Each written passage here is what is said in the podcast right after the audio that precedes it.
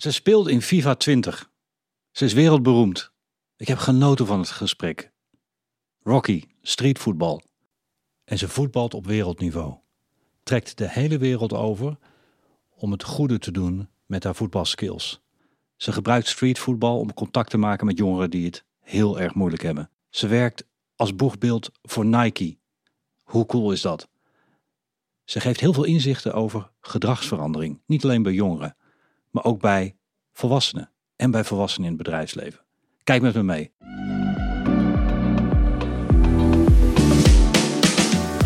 Ontmoet bijzondere mensen. Leer nieuwe dingen. En update je mening. Dit is de podcast van New Life University. Update je mening met Anatol. Anatol is topcoach en spreker in het bedrijfsleven. Hij begeleidt leden van raden van bestuur, topdirecties en high potentials van grote Nederlandse organisaties. En traint bij New Life University mensen die willen groeien of op een kruispunt in hun leven staan. Tap in op zijn kennis en netwerk en laat je inspireren. Update je mening met Anatol. Je kunt de podcast ook beluisteren via Apple Podcast, Spotify en Overcast. Mijn missie is het om als een komma te denken, zodat je het beste uit jezelf haalt en uit anderen te halen. Ja, Wie ben jij? Ehm, ik ben Rocky, Rocky Hekaya. Ik ben eh 36 jaar oud. Ik kom uit, uit Hoorn. En ehm, ja, ik, ehm, ja, als titel zeg ik vaak, ik ben een director van, eh, van mijn eigen stichting, van Velle Street. En ehm, ja, daarnaast geef ik een hoop presentaties, lezingen. Doe ik eigenlijk van alles en nog wat. Maar eigenlijk alles wat ik doe heeft te maken met voetbal.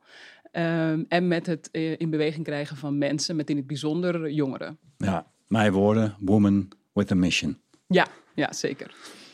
Vind jij het goed als we bij het begin beginnen? Uiteraard. Het is ja. misschien altijd een beetje raar om dan helemaal je eigen cv te zeggen, maar je hebt zo'n ongelooflijk mooi cv. Dat moet iedereen weten. En dan komen we vanzelf te spreken over wat je eigenlijk aan het doen bent. Eh, want dat heeft met role model te maken, dat heeft met gedragsverandering te maken. Dat gaat veel verder nog dan alleen voetbal Ja. en straatvoetbal. En ja, het is super cool, want je staat in FIFA. Ja, ja het, het is natuurlijk... Daar het- komen we vast op. ja. Echt super cool. Het is altijd leuk om over te vertellen hoor. Ja, Ja, maar het is ook gewoon stoer, omdat het je gelukt is. Je bent eh, de eerste en enige in Street Legends. in Street Legends dus team, dat is ja. eh, serious stuff. ja. Begin bij het begin. ja, als klein meisje. Ja, ehm, ik ben opgegroeid in Uithoren. Dus dat lag eh, in de buurt van Amsterdam. Samen met mijn ouders en mijn broer. Ik vind het altijd leuk om te zeggen dat mijn moeder Truus, eh, Truus heet. Als je zelf Roxanne of Rocky Hayakaya heet. Ehm, nou, Molukse vader. Oer-Hollandse moeder ehm, en echt opgegroeid met, eh, ja, met aardappels, groenten en eh, gehaktballen, zeg maar. Ehm, dus wat dat betreft, eh, ja, ontzettend Nederlands. Nou, opgegroeid in een monetflat. En ja, wij woonden in een wijk waar heel veel van die hoge flats bij elkaar stonden in Uithoren. De Europarij heet dat. En daar kwam, kwamen eigenlijk heel veel kinderen, gezinnen eh, van allerlei verschillende culturele achtergronden bij elkaar samen. Somalische mensen, Surinaams, Marokkaans, Moluks, Nederlands, alles door elkaar. En dat, dat ontmoet elkaar op straat. En ehm, ja, wat gebeurde daar? Daar werd gevoetbald. En ehm, ik was toch wel altijd het enige meisje, want eh, de, de meiden die hingen vaak op het rek. Eh, koprollen te doen en een radslagen. Nou, dat was allemaal niks voor mij. Ik- Voetballen. ik wilde achter die bal aanrennen. Dus maar eerst met mijn broer mee op pad. Die nam me op sleeptouw. En, eh, ehm, ja, en, en eigenlijk daarna een beetje eh, met mijn Marokkaanse vriendjes op straat. En uiteindelijk bij de voetbalclub voetballen. En het was echt... ja, ik, ik sliep letterlijk met een bal in bed. Het was alles voor mij. Waar Eh, kwam dat vandaan? En hoe oud was je toen? ja, ik denk dat het zo'n beetje ehm, ja, op mijn achtste, tiende jaar zo... dat je ja, buiten gaat spelen en eh, van de zandbak, eh, zeg maar, dat je, dat je daar een beetje te groot voor wordt. En mijn, ja, mijn vader, die, die, die voetbalde. En ehm, dat zal hij nooit van zichzelf hebben gezegd... maar een heel, hele goede technische voetballer. Mhm. En altijd heel veel andere mensen zeiden dat dan over hem. En als, als mensen dan zoiets hadden van... oh ja, eh, je hebt toch hoog gevoetbald? Dan zeiden ja, op de Kouwenberg. Weet je wel, dus dat heel... heel En welke club was dat? Ja, het, het- in de jeugd is hij getraind door Leo Beenhakker. En toen eh, nou ja, eh, om. Nou, dan dan ben je gepassioneerd De- voetballer. Ja, en eh, hij eh, in de zaal eh, hoog gespeeld. En, eh, maar niet, niet bij een eredivisieclub Mhm. of zoiets hoor. Dat Mhm. was, waren wel andere tijden. Maar hij nam ons, eh, het hele gezin al mee naar de zaalvoetbal, naar het Mhm. veldvoetbal. En eh, daar word je gewoon geïnfecteerd. Ik kon eigenlijk niet anders. Ehm, en, en zo is dat, ja, ik denk dat dat wel echt vanuit mijn vader is gekomen. Ja, je zag zijn passie. Ja, ja, en wat hij allemaal met een bal kon. Dus ik heb mijn e- Ah. eerste voetbaltrucjes van hem geleerd. En eh, hij was altijd heel erg van het samenspelen en, en grapjes en geintjes uithalen. En eh, ja, de, gewoon lekker, lekker samen spelen. En dat, dat kon heel goed met een bal. Maar dan hoor ik nu al dat voetballen, en daar komen we vast wel op, voetballen niet alleen voetballen is, in ieder geval niet voor jou, maar dat er nog veel meer bij, bij komt kijken. En toen was het al de gezelligheid en, en samen zijn. En waarschijnlijk ook winnen, verliezen of gelijk spelen. Maar er zat toen al meer bij. Ja, zeker. En toen, toen ging je voetballen. Ja, ik heb eerst op handbal gezeten, want... eh, Tuurlijk, logisch. ja, mijn moeder, Truus, zat op handbal. Mijn broer zat op voetbal, want mijn vader zat op voetbal. Ja. En ehm, ik weet nog dat ik bij het schoolvoetbal ehm, ja, letterlijk vanaf mijn eigen helft aan het scoren was. En iedereen zei tegen mij van, ja, jij moet op voetbal. Wat doe jij op handbal? Dacht ik, nou oké, dan ging ik op mijn twaalfde bij de Legmeervogels voetballen. En dat begon op klein veld in een, het enige meisjesvoetbalteam. Dat was dan 6 tegen 6 of 7 tegen 7, dat weet ik even niet meer. En eigenlijk na een maand eh, in dat team moest ik naar de jongens toe. eh, als enige vrouw weer, meisje in het jongensteam. En ehm, omdat ik ook werd gescout, dat heette toen de tijd nog de Amsterdamse selectie. Dat waren alle meiden, Noord-Holland eigenlijk, eh, de beste, die speelden daar. En eh, mijn trainer was toen Andries Jonker, nou is ook een eh, vrij bekende naam in het voetbal. En ehm, toen in één keer merkte ik, oh, wacht even, ik, oh, ik ben, hier, ik ben, hier- ben hier goed in. Ehm, daardoor wordt het ook leuker, dat, dat is gewoon Hoe zo. oud ben je dan als je, als je ontdekt, eh, in dit geval, ik ben goed in het voetbal? Ja, 14. 14, dat is toch al jong. Ja, Ja. Ja, want je hebt, je hebt toch door dat je alle jongens aan het dollen bent op het veld. Dus dat, dat is wel een eh, unicum, zeg maar. Vanaf een bepaalde positie of speelde je op allerlei verschillende posities? Ja, ik was wel echt een rechtsbuiten. Rechtsbuiten. Ja. En wat is dat dan, een rechtsbuiten? Ja, dat is in ieder geval een speler die een, eh, een individuele actie in huis heeft.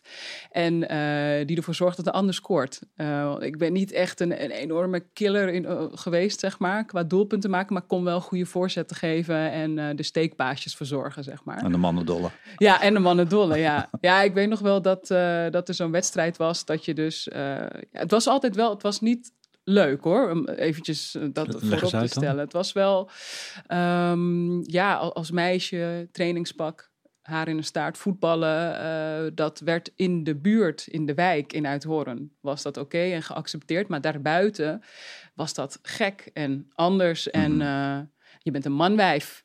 Of ben je nou een jongen of een meisje? En dat waren niet alleen jongeren, dat waren ook gewoon volwassen mensen die dat tegen je zeiden. En, eh, Wat doet dat dan op zo'n moment met je? Ja, dat, dat is iets wat... Want je bent, eh, z- zag, wij kennen elkaar net een paar minuten. Maar jij bent zacht, je hebt een zachte energie. Ja, En ik zie wel het laserogen. Dus je kunt, je, kunt ook, eh, je kunt er ook voor gaan. Dat kan niet anders. Maar ja. wat doet dat dan op zo'n moment met jou? En waarom ben je dan eigenlijk heel gebleven? Want je bent heel nog. Ja, ja nou, het, het, eh, dat, dat heeft mij wel heel onzeker gemaakt. Dus ik denk dat ik zelfs tot op de dag van vandaag daar nog wel eens last van kan hebben. Van het zelfbeeld, wat dat met je doet. Dus ehm, wat ik, waar ik wel heel erg in geloof, is dat dat wat jij op een ander projecteert. En zeker op kinderen en jongeren, dat dat als een soort van klei in je oren blijft hangen. En daar boetseer je een zelfbeeld van. Dus als ik in de spiegel eh, keek op mijn 15e, 16e, echt in mijn tienertijd, eh, zag ik een manwijf. Eh, maar ik weet niet wat dat is, maar ik heb altijd een, een, een positief vlammetje in me gehad, wat Mhm. dacht van, nou, oké, dan ben ik misschien niet moeders mooiste, maar ehm, ben grappig, ik kan goed voetballen en ik ben een, een heel blij mens van binnen. En, en thuis ehm, kreeg ik alle liefde die je maar kon krijgen. Dus ik had wel in mijn directe omgeving dat mensen mij steunden. Maar daarbuiten eh, genoeg meegemaakt en zeker ook op het voetbalveld. Mhm. Ehm, ik kan me gewoon nog heel goed herinneren dat, en dit is een van de vele verhalen hoor, maar dat ik een wedstrijd speelde eh, tegen Apkoude. En ehm, nou, rechtsbuiten. En in de eerste helft scoor ik dus drie doelpunten. En ik dacht, nou, lekker bezig, 3-0. Alle doelpunten van, de, van het enige meisje van het veld. En ik loop dus het veld af naar eh, bij de rust. En er komt dus een vader van de tegenpartij naar me toe. En die kijkt naar me en die gaat voor me staan. En die zegt tegen mij, ja, ze zeggen dat jij een meisje bent, maar daar geloof ik niks van. Mijn god, wat ben je dan voor mens? Ja, oh ja. my god. Nee, ja, en of ik even mijn broek naar beneden wilde trekken om dat even te oh laten my zien. god, wat Ja. ben je slecht. Ja, maar dan ben je dus 14 jaar en dan ehm, en dat weet je, dat heb ik tot, tot heel lang nog gehad. Weet je wel, dat je ergens op een veld staat, volle zaal en dan een soort familietoernooi, wat dan leuk en gezellig moet zijn, waarbij altijd één vrouw in een team moet spelen. Dan hoor je door zo'n hele zaal, ja, er moet een vrouw eh, op het veld, eh, op de veld 1 staan. Ja, ze staat er hoor. Oh, is dat een vrouw? Nou, dat is niet te zien, weet je wel. Ja, dat zijn van die dingen dat je dan... Ho, ho, dus dat... Maar en, ik snap ja. het niet helemaal, want als ik naar je kijk, zie ik een eh, vrouw. Ja, Vrouw, vrouw zelfs. Ja, maar het, het, is, ehm, het is denk ik ehm, eh, ehm, ja, anders zijn. Dus goed kunnen voetballen als vrouw. Dat vinden mannen soms ingewikkeld. Ehm, maar ook, ik ben heel lang. Ik ben 1 meter 91, nou, bijna 2 meter. Ehm, en ik hou van stoere kleding. Dus ehm, ik ben ook pas veel latere leeftijd mijn vrouwelijkheid gaan omarmen. Omdat ik dacht dat ik dat helemaal niet had. En toen ik dat ben gaan omarmen, wist ik wel, oh wacht even, ik, ik, kan- ik ben wel een mooie vrouw. Maar dat, dat heeft wel echt eh, lang geduurd. Ja. Ja, dus dat, dat heeft wel, en dat is ook iets ehm, wat ik heel belangrijk vind in het werk wat ik doe, ehm, is dat je dus heel erg bewust bent met wat projecteer ik, mijn angst, mijn onzekerheid eh, op een ander. En wat doet dat met die ander? Zeg maar, wat voor klei stop ik bij jou eh, in je oren? Eh, maar goed, dat kunnen we straks. eh, Nou, we komen er zeker Ja. te spreken over, maar het begint me nu al heel erg duidelijk te worden dat je gewoon een, een ervaringsdeskundige bent. Jij weet gewoon wat je en hoe je met mensen omgaat, met meisjes omgaat, met kids omgaat, omdat je zelf daar heel veel ervaring in hebt. Ja. Maar nogmaals, je bent, er, je bent er goed uitgekomen, dus je bent niet beschadigd voor het leven. Nee. Dat heeft ook waarschijnlijk te maken met het feit dat je een heel warm nest had thuis. Maar ook dat je een bepaalde insteek in het leven hebt ontwikkeld of dat je die had. Afijn, je voetbalt dan. Dan ben je 14. Ja. Dan is het al heel duidelijk voor jezelf van... hé, hey, dit, dit kan ik bovengemiddeld goed. Dan, ga je ook merken dat anderen dat soms niet zo leuk vinden. En dan? Wat gebeurt er dan allemaal in die jaren daarna? Ja, ja, het was echt mijn droom om profvoetbalster te worden. Eh, ik wilde naar Amerika toe, want dat was het beloofde land eh, nog steeds wel voor het vrouwenvoetbal. Ehm, en ik ben, denk, ik heb tot mijn zestiende bij de jongens gevoetbald. Toen was ik er echt klaar mee. Toen dacht ik echt van, nou, ik, heb er gewoon geen zin meer in om eh, te moeten vechten, constant voor je plek. Mhm. Is overigens niet de ervaring voor elke vrouwelijke voetballer hoor. Want ik ken genoeg vriendinnen die ook op hoog niveau hebben gespeeld. Die ook bij jongens hebben gevoetbald. En die hebben een hele goede tijd gehad in dat jongensvoetbalteam. Dus dit is mijn ervaring. Eh, maar het, het is dus belangrijk dat het team waarin je speelt je rug heeft. Dus ehm, als ik van de kant werd uitgescholden en mijn team had ook voor mij gestaan. eh, en ook als de jongens in mijn team niet dingen tegen mij hadden gezegd die hetzelfde waren als eh, op het veld of van anderen, dan had ik een andere tijd gehad. Dus dat eventjes voorop eh, Mhm. gesteld. Mhm, dat mhm. het niet altijd erg is om bij jongens te voetballen, want het is voor je ontwikkeling heel goed. Maar ik ging bij de vrouwen voetballen in, in Amsterdam, bij Buitenvelden. Dat was toen de tijd het grootste, de grootste vrouwenvoetbalclub ja, van Nederland. Ehm, en toen, dat was eigenlijk heel gek, toen ehm, verhuisde ik, zeg maar, voor mijn gevoel, mijn leven verhuisde vanuit Horen naar Amsterdam. Ik was zo'n middelbare school aan het afronden, ging studeren in Amsterdam, ik ging voetballen in Amsterdam. En daar kom ik dus in eh, de straatvoetbalwereld van Amsterdam terecht. En toen werd ik in één keer een hele populaire, toffe chick.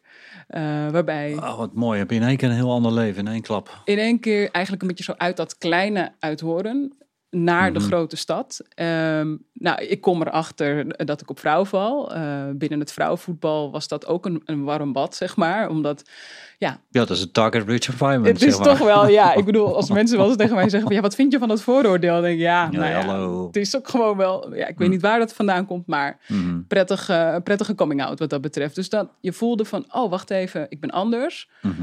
Maar oh, hè, dat, dat, en dan kom ik pas veel later achter, hè, dat is mijn kracht. Dat is eh, wat Rocky maakt. Mhm. Ehm, dus ik ga veel, lekker in, veel lekkerder in mijn vel zitten. Ik ga met vrouwen voetballen. We spelen tegen jongens. Dus dat is wel leuk. Je hebt een heel team achter je staan. En daarmee strijd je met elkaar. Of met elkaar ga je die strijd aan. Ja, Ja, je was niet meer alleen in een team. Je, precies. je, je was onderdeel van het team geworden. Je was het team. Ja, ja. Even even een vraag daarover. Hè? Ik heb ook een paar keer, eh, eh, verhuizingen meegemaakt, waardoor ik in één keer opnieuw kon beginnen. Mm. En eh, ik heb ontdekt dat een identiteit zoals mensen je zien of een imago iets, iets heel aparts is, want ik bleef van binnen hetzelfde. Dus toen jij vanuit Horen naar Amsterdam ging, naar Buitenveld het ging, jij wist diep van binnen toch dat jij nog steeds dezelfde was. Alleen je merkte dat de buitenwereld anders reageerde.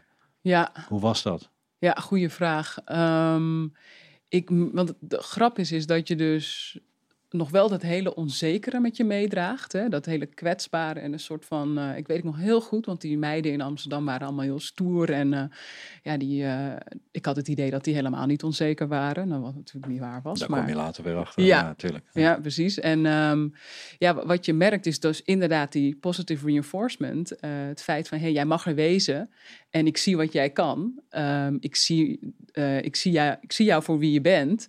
Eh, dat was wel heel belangrijk. En, ehm, en toch ook wel bevestiging, zeg maar. Het krijgen van, oh oké, het is oké dat je lesbisch bent, dat je voetbalt, eh, dat je anders dan de rest bent. Ehm, en en dat, is, dat is altijd wel, ik denk heel belangrijk, dat je in je omgeving wel de mensen bij elkaar krijgt, of in ieder geval om je heen hebt, die jou accepteren voor wie je, wie je bent. En, ehm, en dat was dan ook wel weer grappig, omdat je, dan had je in één keer al die stoere straatvoetbalmannen.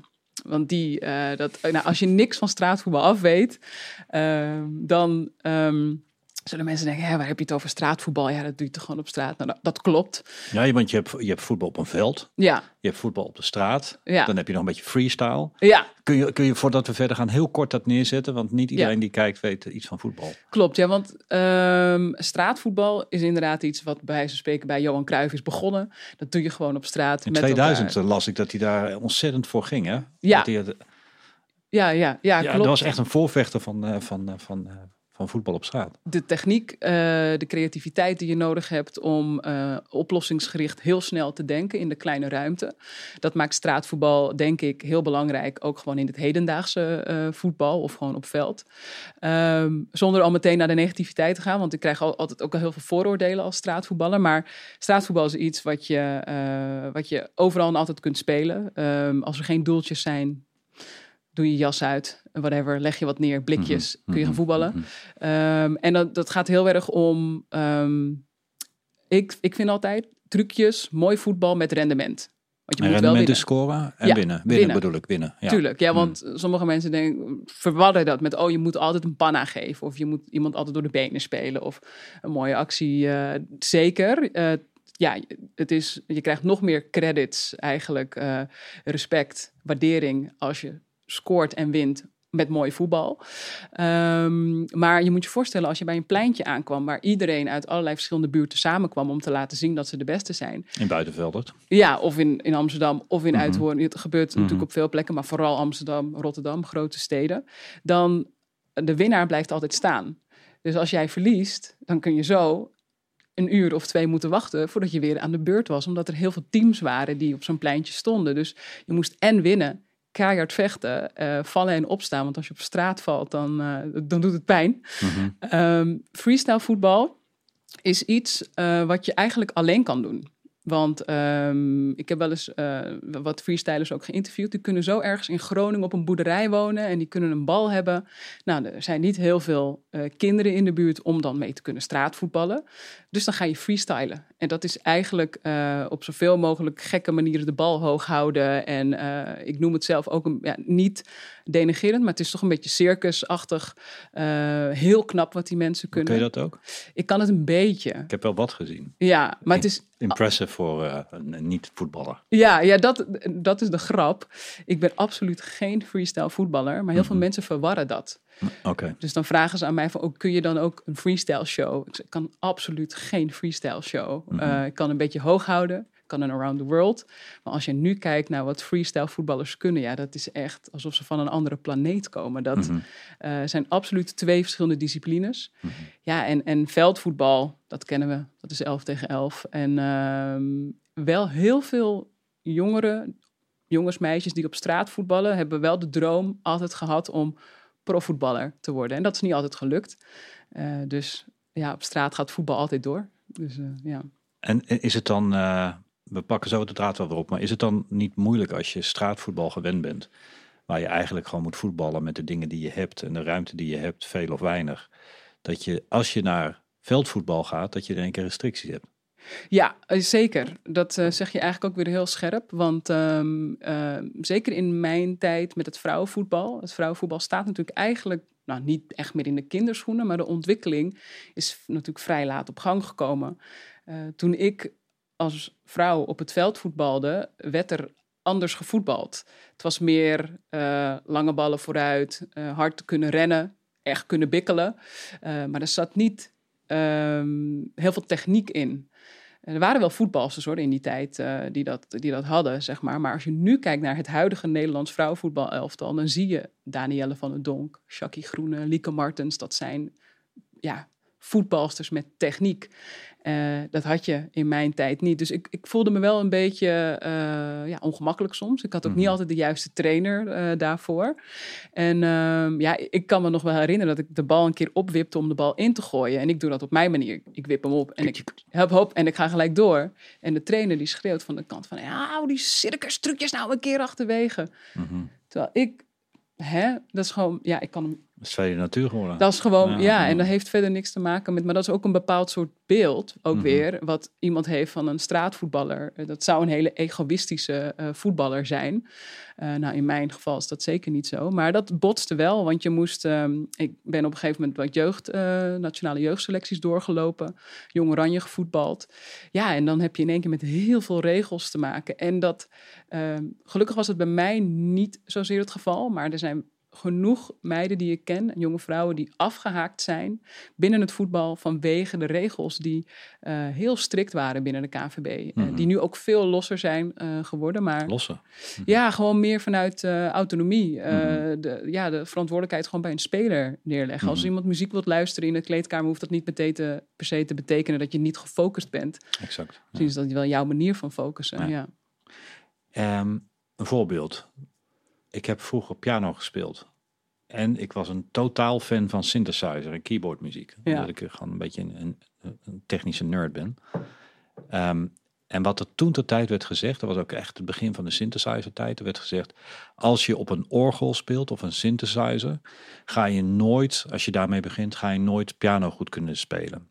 Als je piano speelt, kun je piano spelen en dan zal je ook synthesizers kunnen. En dat had te maken en heeft te maken met de toetsaanslag. Die is namelijk heel licht op een synthesizer. Oh ja. En die is wat zwaarder op een piano. Er wordt wel een beetje nagebootst. Maar eigenlijk was het idee van piano naar synthesizer geen probleem. Van synthesizer, je voelt er waar ik naartoe ga misschien. Van synthesizer naar piano eh, is niet te doen. Nou, begin je met straatvoetbal. Kun je dan nog überhaupt wel veldvoetbal spelen? Of, of kun je zeggen, nou ja, ik probeer deze analogie ook hier te zoeken. Of kun je zeggen, als je een veldvoetballer bent, dan kun je heel erg makkelijk straatvoetbal spelen. Of heeft het echt gewoon niks met elkaar te maken en is het een stomme vraag? Nee, het is helemaal geen stomme vraag. Ik vraag me ook juist af bij jou van, ben je dan synthesizer gaan... Is het bijvoorbeeld een piano? Ik kan me voorstellen dat het een mega aanschaffing is. Een investering om dus een piano te kopen. Eh, maar de techniek zit dan misschien wat meer in het synthesizer. Sorry, ik ging daar Nee, nee, nee, eventjes- dat kan, nee, dat kan ik je wel Op uitleggen. Wat ja. een mazzel. Mijn moeder was, eh, was, eh, was zeg maar pianiste. Die speelde begeleide balletdanseressen. en er stond de piano bij ons thuis. Dus ik ben gewend geraakt aan een zware aanslag. Ja. En dat was nog voor de tijd dat de synthesizers waren. En, en toen ging ik pianoles nemen. En dan had ik eigenlijk die zware aanslag al in mijn vingers.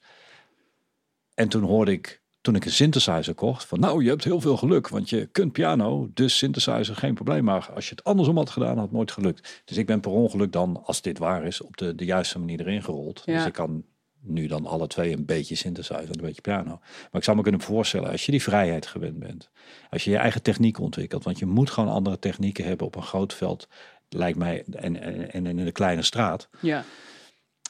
Hoe is dat? Hoe is dat? Eh, Werkt dat? Want je hebt ook zoiets als zaalvoetbal en, en Ja. hoe, werkt dat bij, eh, bij, bij waar jij mee bent begonnen? Want je bent begonnen met straatvoetbal. Ja, ik moet eerlijk toegeven dat het mij, eh, los van die regeltjes, mij, mij goed afging. Dus, ehm, en ik denk ook dat het straatvoetbal deed je om beter te worden op het veld. In mijn geval dan.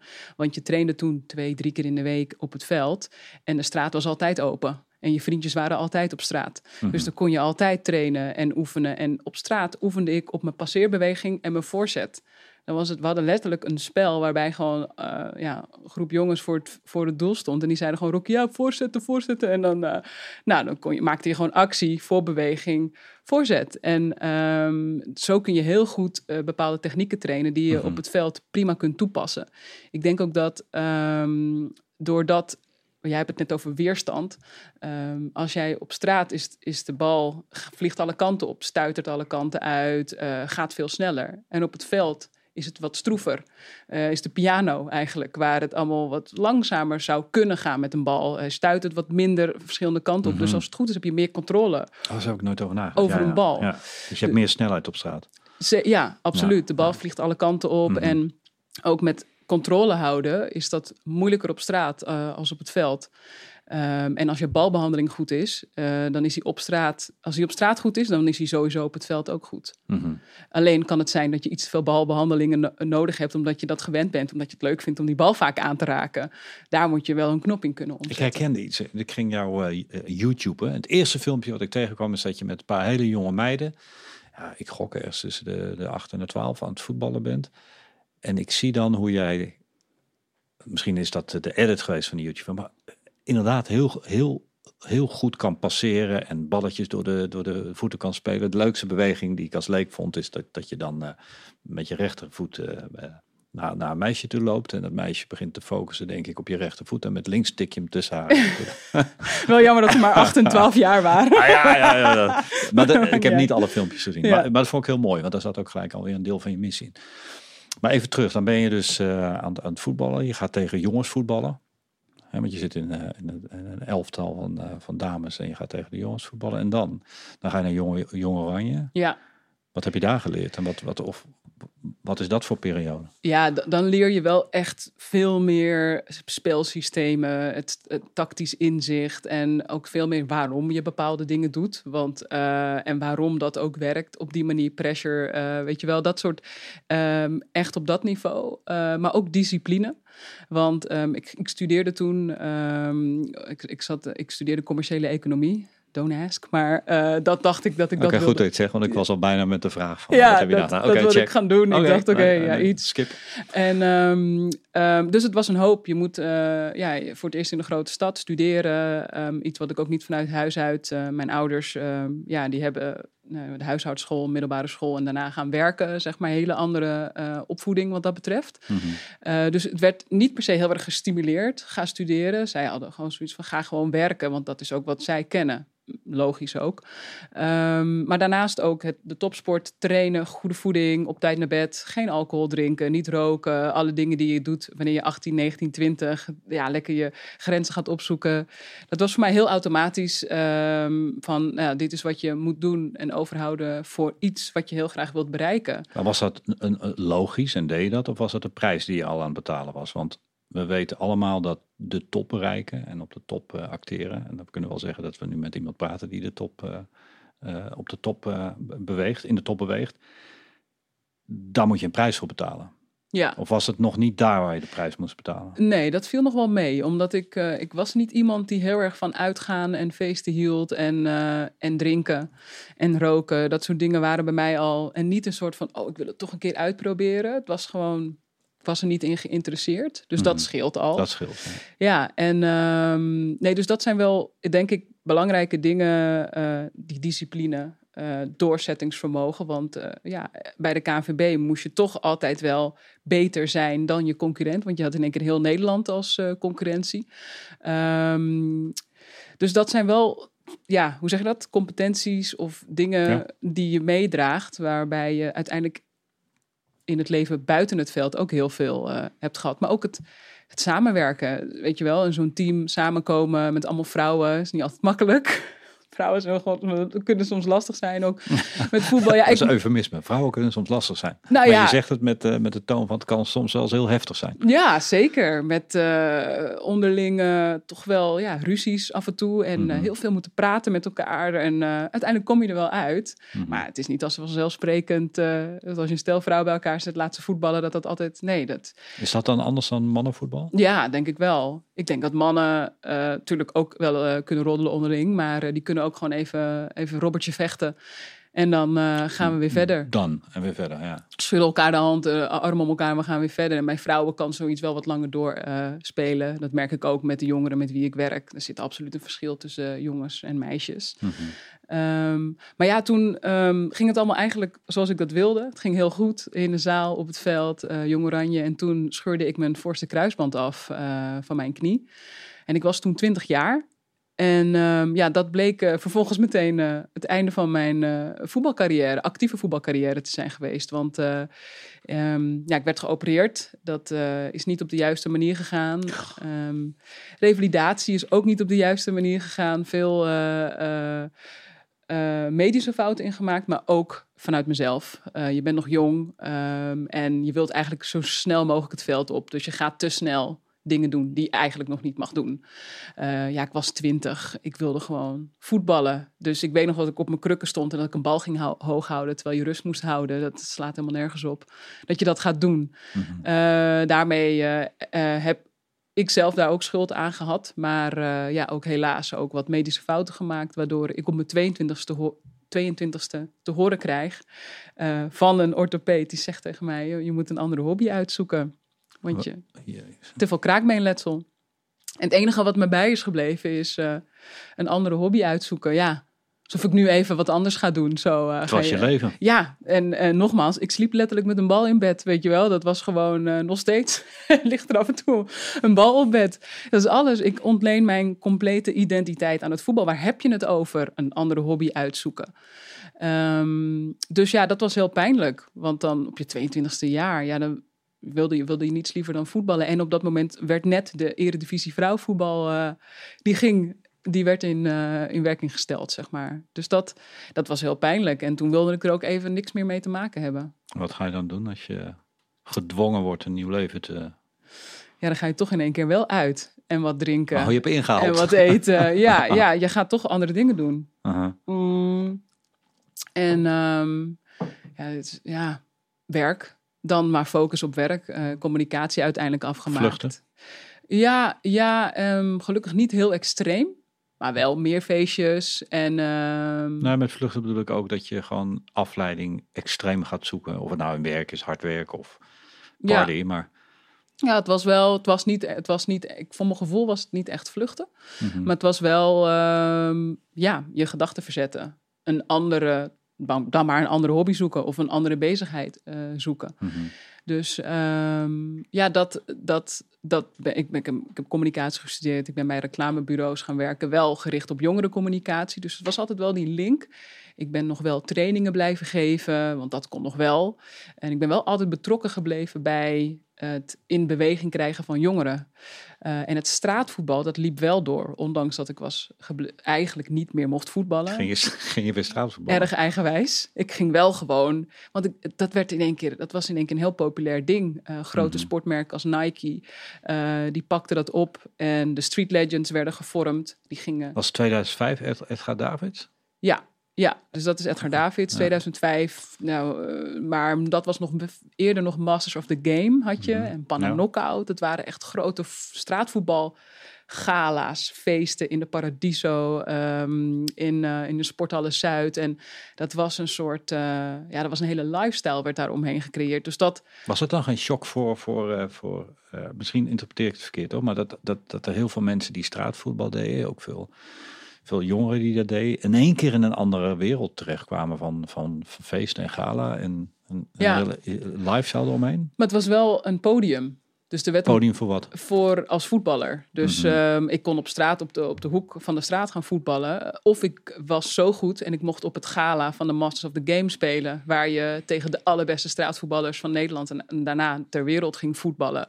Waar alle ogen op jou gericht waren. En um, waar het online ook, um, toen ging online een beetje spelen dus dat, dat was iets waar je eigenlijk in één keer een ambitie voor kreeg. Van, oh, wacht even, ik ben niet zomaar een straatvoetballer. Ik kan uh, onderdeel worden van Masters of the Game. Of ik kan onderdeel worden van het Street Legends team. Dat betekent dat ik wat centjes kan gaan verdienen. Street Legends team, dat zijn toch alleen maar mannen? Ja, ja dat was dan voor de meiden. Ja, maar voor de meiden was er dus ook niks. Nee, dat bedoel ik. Ja, ja oké. Okay. Ja, ik, Dan ga je dus weer ik... wat bijzonders doen. Ja, ja, ja, oh ja, ja. Ja, daar dacht ik dan dus ook niet echt bij na. Ik dacht gewoon van, oh ja, ik wil ook gewoon Ik wil dat ook. Hier hoor ik. Ja, hier hoor ik ook bij. En Ja. blijkbaar vonden zij dat gelukkig ook. Mhm. Maar dat was ook een harde leerschool. Er werd daar wel gewoon eh, voor de leeuw gegooid. En laat het maar eens even zien. En ik weet nog wel dat ik toen een keer eh, in het nachtleven in Rotterdam, eh, daar werden wij naartoe gereden. En we, hadden een, ja, we hadden een oude, echt zo'n hele oude Mercedes van een van die jongens van zijn vader. Die had dan gezegd, de enige die erin mag rijden was, is Rocky. Want er, voor de rest hadden we allemaal mannen bij. En dan moet je je voorstellen, allemaal Surinaamse, Marokkaanse mannen ook. eh, ja, we waren 20, 21, zoiets. Vijf van die gasten op de achterbank. En Oh, eh, weet je wel, twee voorin, eh, met z'n drietjes voorin. Wij rijden naar Rotterdam, want we waren geboekt als team. Om dan dus eh, tijdens dat feest in het nachtleven door het publiek heen een beetje met die bal bezig te zijn. Vraag me niet waarom, maar dat, eh, dat was gewoon zo. Het was gewoon hip. Ja, dat was hip. En eh, om drie, drie uur s'nachts of zo, dan stopte de DJ met draaien. En dan moest ik het podium op met hoodie. En dan eh, een beetje stoer. What- What's up? Ja, en één tegen één. Dus er werd eh, uit wie wil tegen deze mystery guest één tegen één spelen. Werd dan nog niet onthuld dat ik dan een vrouw eh, ben. En ehm, nou, en zo ging dat. En dan ging de hoodie af. En dan was het, eh, oh, het is een vrouw. En dan moest ik één tegen één. Maar je moet je voorstellen, het is, je moet gewoon op dat moment, moet je panna's gaan uitdelen. Je kan niet Doe daar. eens even uitleggen wat een panna is. Ja, dan moet je dus iemand door zijn benen spelen. En het liefst dat je die bal daarna ook weer hebt. Mhm, Dus porten, ouderwets porten. En, eh, en dat lukte mij gewoon. Dus dat vond ik heel grappig. Dat eh, het presteren onder druk. Want de druk is groot. Want iedereen verwacht, oké, jij staat op dat podium. Laat dan maar nu meteen even zien dat het ook zo is. En dat moet dan ook binnen een minuut. Want de mensen gaan niet tien minuten zitten wachten voordat jij eindelijk een panna geeft. En, eh, ehm, dus dat was heel leuk. Dat, dat werkte, dat ging. En zo bouw je credits op. En, en zo eh, ja, word, je, word je dus een street legend, blijkbaar. Wauw. Ja. En dan? Dan ben je dus een street legend. Dan kom je er toch misschien wel een keer achter. Dan ben je weer de enige vrouw. ja, Maar moest je daar dan ook weer verder vechten? Of was dat gewoon eh, zoveel team spirit? Dat, eh, Ehm, Want jullie was- waren de beste... Ik, ik weet niet of het nog is, maar jullie waren de beste van de wereld. De Ja. street hè? Ja, dat, dat zijn we. Ik denk dat we nu allemaal een beetje wat eh, ouder worden. Want we zijn allemaal zo rond de 36 tegen de Ja. 40 aan. God, eh, God, wat, God, ja, hartstikke oud, zijn we. Dank je. We- Wel in het voetbal. Oké, oké, oké, oké, ehm, maar wat wel mooi is, is dat die groep met mensen de grondleggers zijn van het straatvoetbal wat wereldwijd wordt gespeeld. Eh, dat wij de eerste zijn die waar de skills, vaardigheden in de FIFA. FIFA Street spellen terecht zijn gekomen. Dan heb je het over jongens als Edward van Geels, Jermaine Vanenburg. Dat soort eh, mannen die, eh, ja, die hebben wel een, een wereldwijde invloed gehad. En, Met, eh, ehm, met of zonder Touzani toen? Zonder Touzani. Die kwam later. Die kwam echt een stuk later. Maar die heeft Ja. YouTube eigenlijk opengebroken, toch? Precies. En, en dat is zo, want het is een, het is een topper hoor, Touzani. Maar hij, als je hem dezelfde vraag stelt, dan zal hij ook zeggen dat de, de Bukari's in Rotterdam en de andere eh, voetballers de vooroplopers eh, zijn. Dan heb je het eigenlijk nog, je hebt nog een hele andere generatie daarvoor. Maar eh, dat terzijde. Ehm, hij, is, hij is gewoon heel slim geweest met hoe hij eh, internet heeft ingezet. En, ehm, Heel vroeg al. heel vroeg met, met dat YouTube-filmpje, wat weet ik voor hoeveel miljoen hits heeft. Dus ehm, iedereen zegt altijd: Oh, eh, ken je Touzani? Of eh, Oh, want Touzani is toch de beste voetballer? En dan zeg ik wel: Ja, ja, is goed.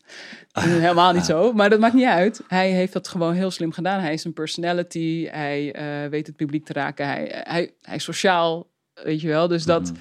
Eh, je hebt veel meer nodig dan alleen maar skills om, eh, om opgemerkt te worden als, eh, als straatvoetballer. En om er je boterham mee te kunnen verdienen. En dat heb ik, ben ik uiteindelijk gaan doen. Dus naast het veldvoetbal, dat was klaar, ben ik heel veel voetbalclinics gaan geven. Toch nog wel panna-battles, demonstraties tegen beter weten in. Dan ben je 5, 26 of zo. Ja, Of- ja nog iets jonger. Iets jonger, ja, tussen ja. de 20 25. Dan En, had je eigenlijk rust moeten geven aan je lijf, hè, al die jaren. Ja, Maar ja. we doorgebeurd. Nee, gaan we niet doen. Ja. gaan we niet. Eh, wel heel veel in de sportschool. ble- wel, dus wel krachttraining blijven doen om het allemaal een beetje. eh, maar inmiddels ben ik daar wel de prijs voor aan het betalen. Voor dat doorvoetballen. Dus het wordt nu wel echt een ding in het dagelijks leven. Qua Misschien, last. misschien gaat dat goed komen. Er zijn nu heel veel nieuwe methodes eh, die eh, in Panama onder andere worden gedaan, maar die komen ook naar ons toe. Ja, Ik ben geen arts hoor, maar ik hoor dat er best wel veel eh, injecties in knieën gaan met stamceltherapieën en dergelijke. Ja. Dus eh hou, de, hou de hoop daar. ja nee, dat, dat, dat, hoop ik ja, ja, ja, inderdaad. zeker met nieuwe CRISPR-Cas6 technieken waar we laatst iemand over hebben horen spreken. Dat, het zou me niks verbazen als dat straks, straks weer wat minder wordt. Maar anyway, Dat je, het- betaalt nu in ieder geval de prijs ervoor. En dat houdt in dat je pijn hebt. Ja, Ja, in het dagelijks dag. leven, Ja. dat, eh, dat is wel een, een dingetje. Maar ik, ben het gewend, want ik zit er al zo lang in. right. Maar ehm, ja, dus, dus ik werk bij, die, bij het reclamebureau. En ehm, ik merk eigenlijk dat ik iets mis. Dus ik merk dat ik eh, wel hier en daar clinics kan geven en dat heel leuk vind. Mhm.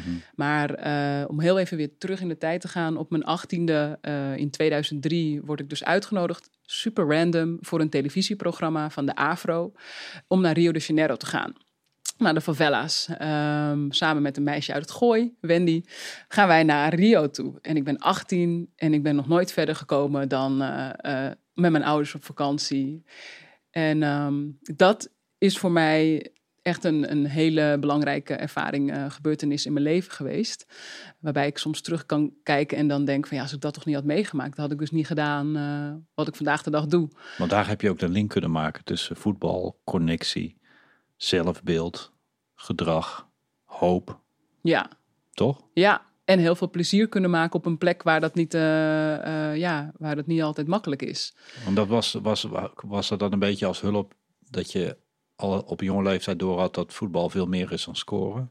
Maar dat er veel meer, ook met je vader toen met gezelligheid, Ja, heel veel bij kwam. niet zo bewust, denk ik. Dat Maar- is misschien als je achteraf er Ja. of misschien ben ik nu te romantisch met mijn vragen. Ja, maar- nee, nee, het is, het is, eh, het is wel een mooi beeld. En eh, ik eh, zou, nee, dat is, daar kwam ik absoluut niet bewust op dat moment. Mhm. Maar ik weet nog wel dat ik had het gevoel dat die favela, waar van alles over wordt gezegd, de sloppenwijken in Rio, hartstikke gevaarlijk. En, en ik had echt zoiets van, oké, ja, ik, ben, ik wil gewoon kijken hoe het daar is. Ik wil voetballen met die mensen, zeg maar. Want er wordt van alles gezegd over Brazilianen en voetbal. Dat zijn de beste ter wereld. Dus ik wil dat zien. Ik wil laten zien dat ik beter ben. Ik zat nog heel erg daarin. Dus dan stap je zo'n favela in. En, eh, Wat moest je doen voor het tv-programma dan? het was echt letterlijk gewoon een week in zo'n favela blijven. En dan ontmoeten we meiden van dezelfde leeftijd die ook een passie voor voetbal hebben. Dus we gingen met hun trainen, bij hun thuis, slapen, eten, drinken. Cool. Ja, met ze naar school. Het was echt, als ik eraan terugdenk, dan denk ik echt, wauw, weet je, dat ik dat heb mogen meemaken. En dat je dus ehm, op die plek komt waarvan iedereen zegt, het is er verschrikkelijk. En ik daar rondliep met mijn fris drankje en een bal en de zon op mijn bolletje. En ik dacht echt, ik vind het echt superleuk hier. En eh, het is helemaal niet zo anders als in Nederland. Natuurlijk is het absoluut anders. Mhm. Maar iedereen is op straat. Iedereen is met elkaar. eh, maakt, maakt er het beste van. Ondertussen zie ik jongens met zulke grote wapens rondlopen. eh, heel duidelijk van de drugs ben. Maar ik was helemaal. Ik, ik heb geen moment van angst gehad terwijl de jongens daar waren. Want die jongens die deden mee met het voetbal. En dat, dat was gewoon zo. Terwijl heel gek dat, je, dat ik niet schrok en weg eh, wilde rennen. Maar gewoon dacht, oh, oké. Dat is een onderdeel van. Ja, het is anders, Mhm, maar anders, eh, ehm, ook weer hier toch onbewust geen projectie of vooroordeel hebben. Eh, Mhm. Niet naar zo'n plek gaan en denken, oh, ik moet alles goed dicht bij me houden. Ik had Nike slippers, die had ik langs de kant van het veld neergelegd. En ik kom terug en ze zijn weg. En ik dacht, ja, is ook niet slim van mij, weet je wel. Waarom leg ik ze ook, weet je wel. Ja, dat zou in Amsterdam ook gebeuren als Ja. ik in een buurt kom waar ik niet bekend ben. En ik leg daar mijn mooie spullen neer, ik ga voetballen. Tuurlijk is het weg, ja, de, maar ehm, dan niet meteen een oordeel hebben over, ja, shit, mijn shit is gejat. Of hè, dat Ja, je dus dat. En, en er dus achter komen dat ehm, we helemaal niet zoveel van elkaar verschillen. We ook gewoon mens zijn en het heel leuk met elkaar kunnen hebben. En ondanks dat we niet dezelfde taal, sp- ik sprak toen nog geen Portugees, ehm, maar we spraken wel de taal van het voetbal. En ehm, ik heb echt het gevoel gehad dat ik die mensen wel durfde te zien. Niet als arme sloebers, maar gewoon als, als mens en als voetbalster.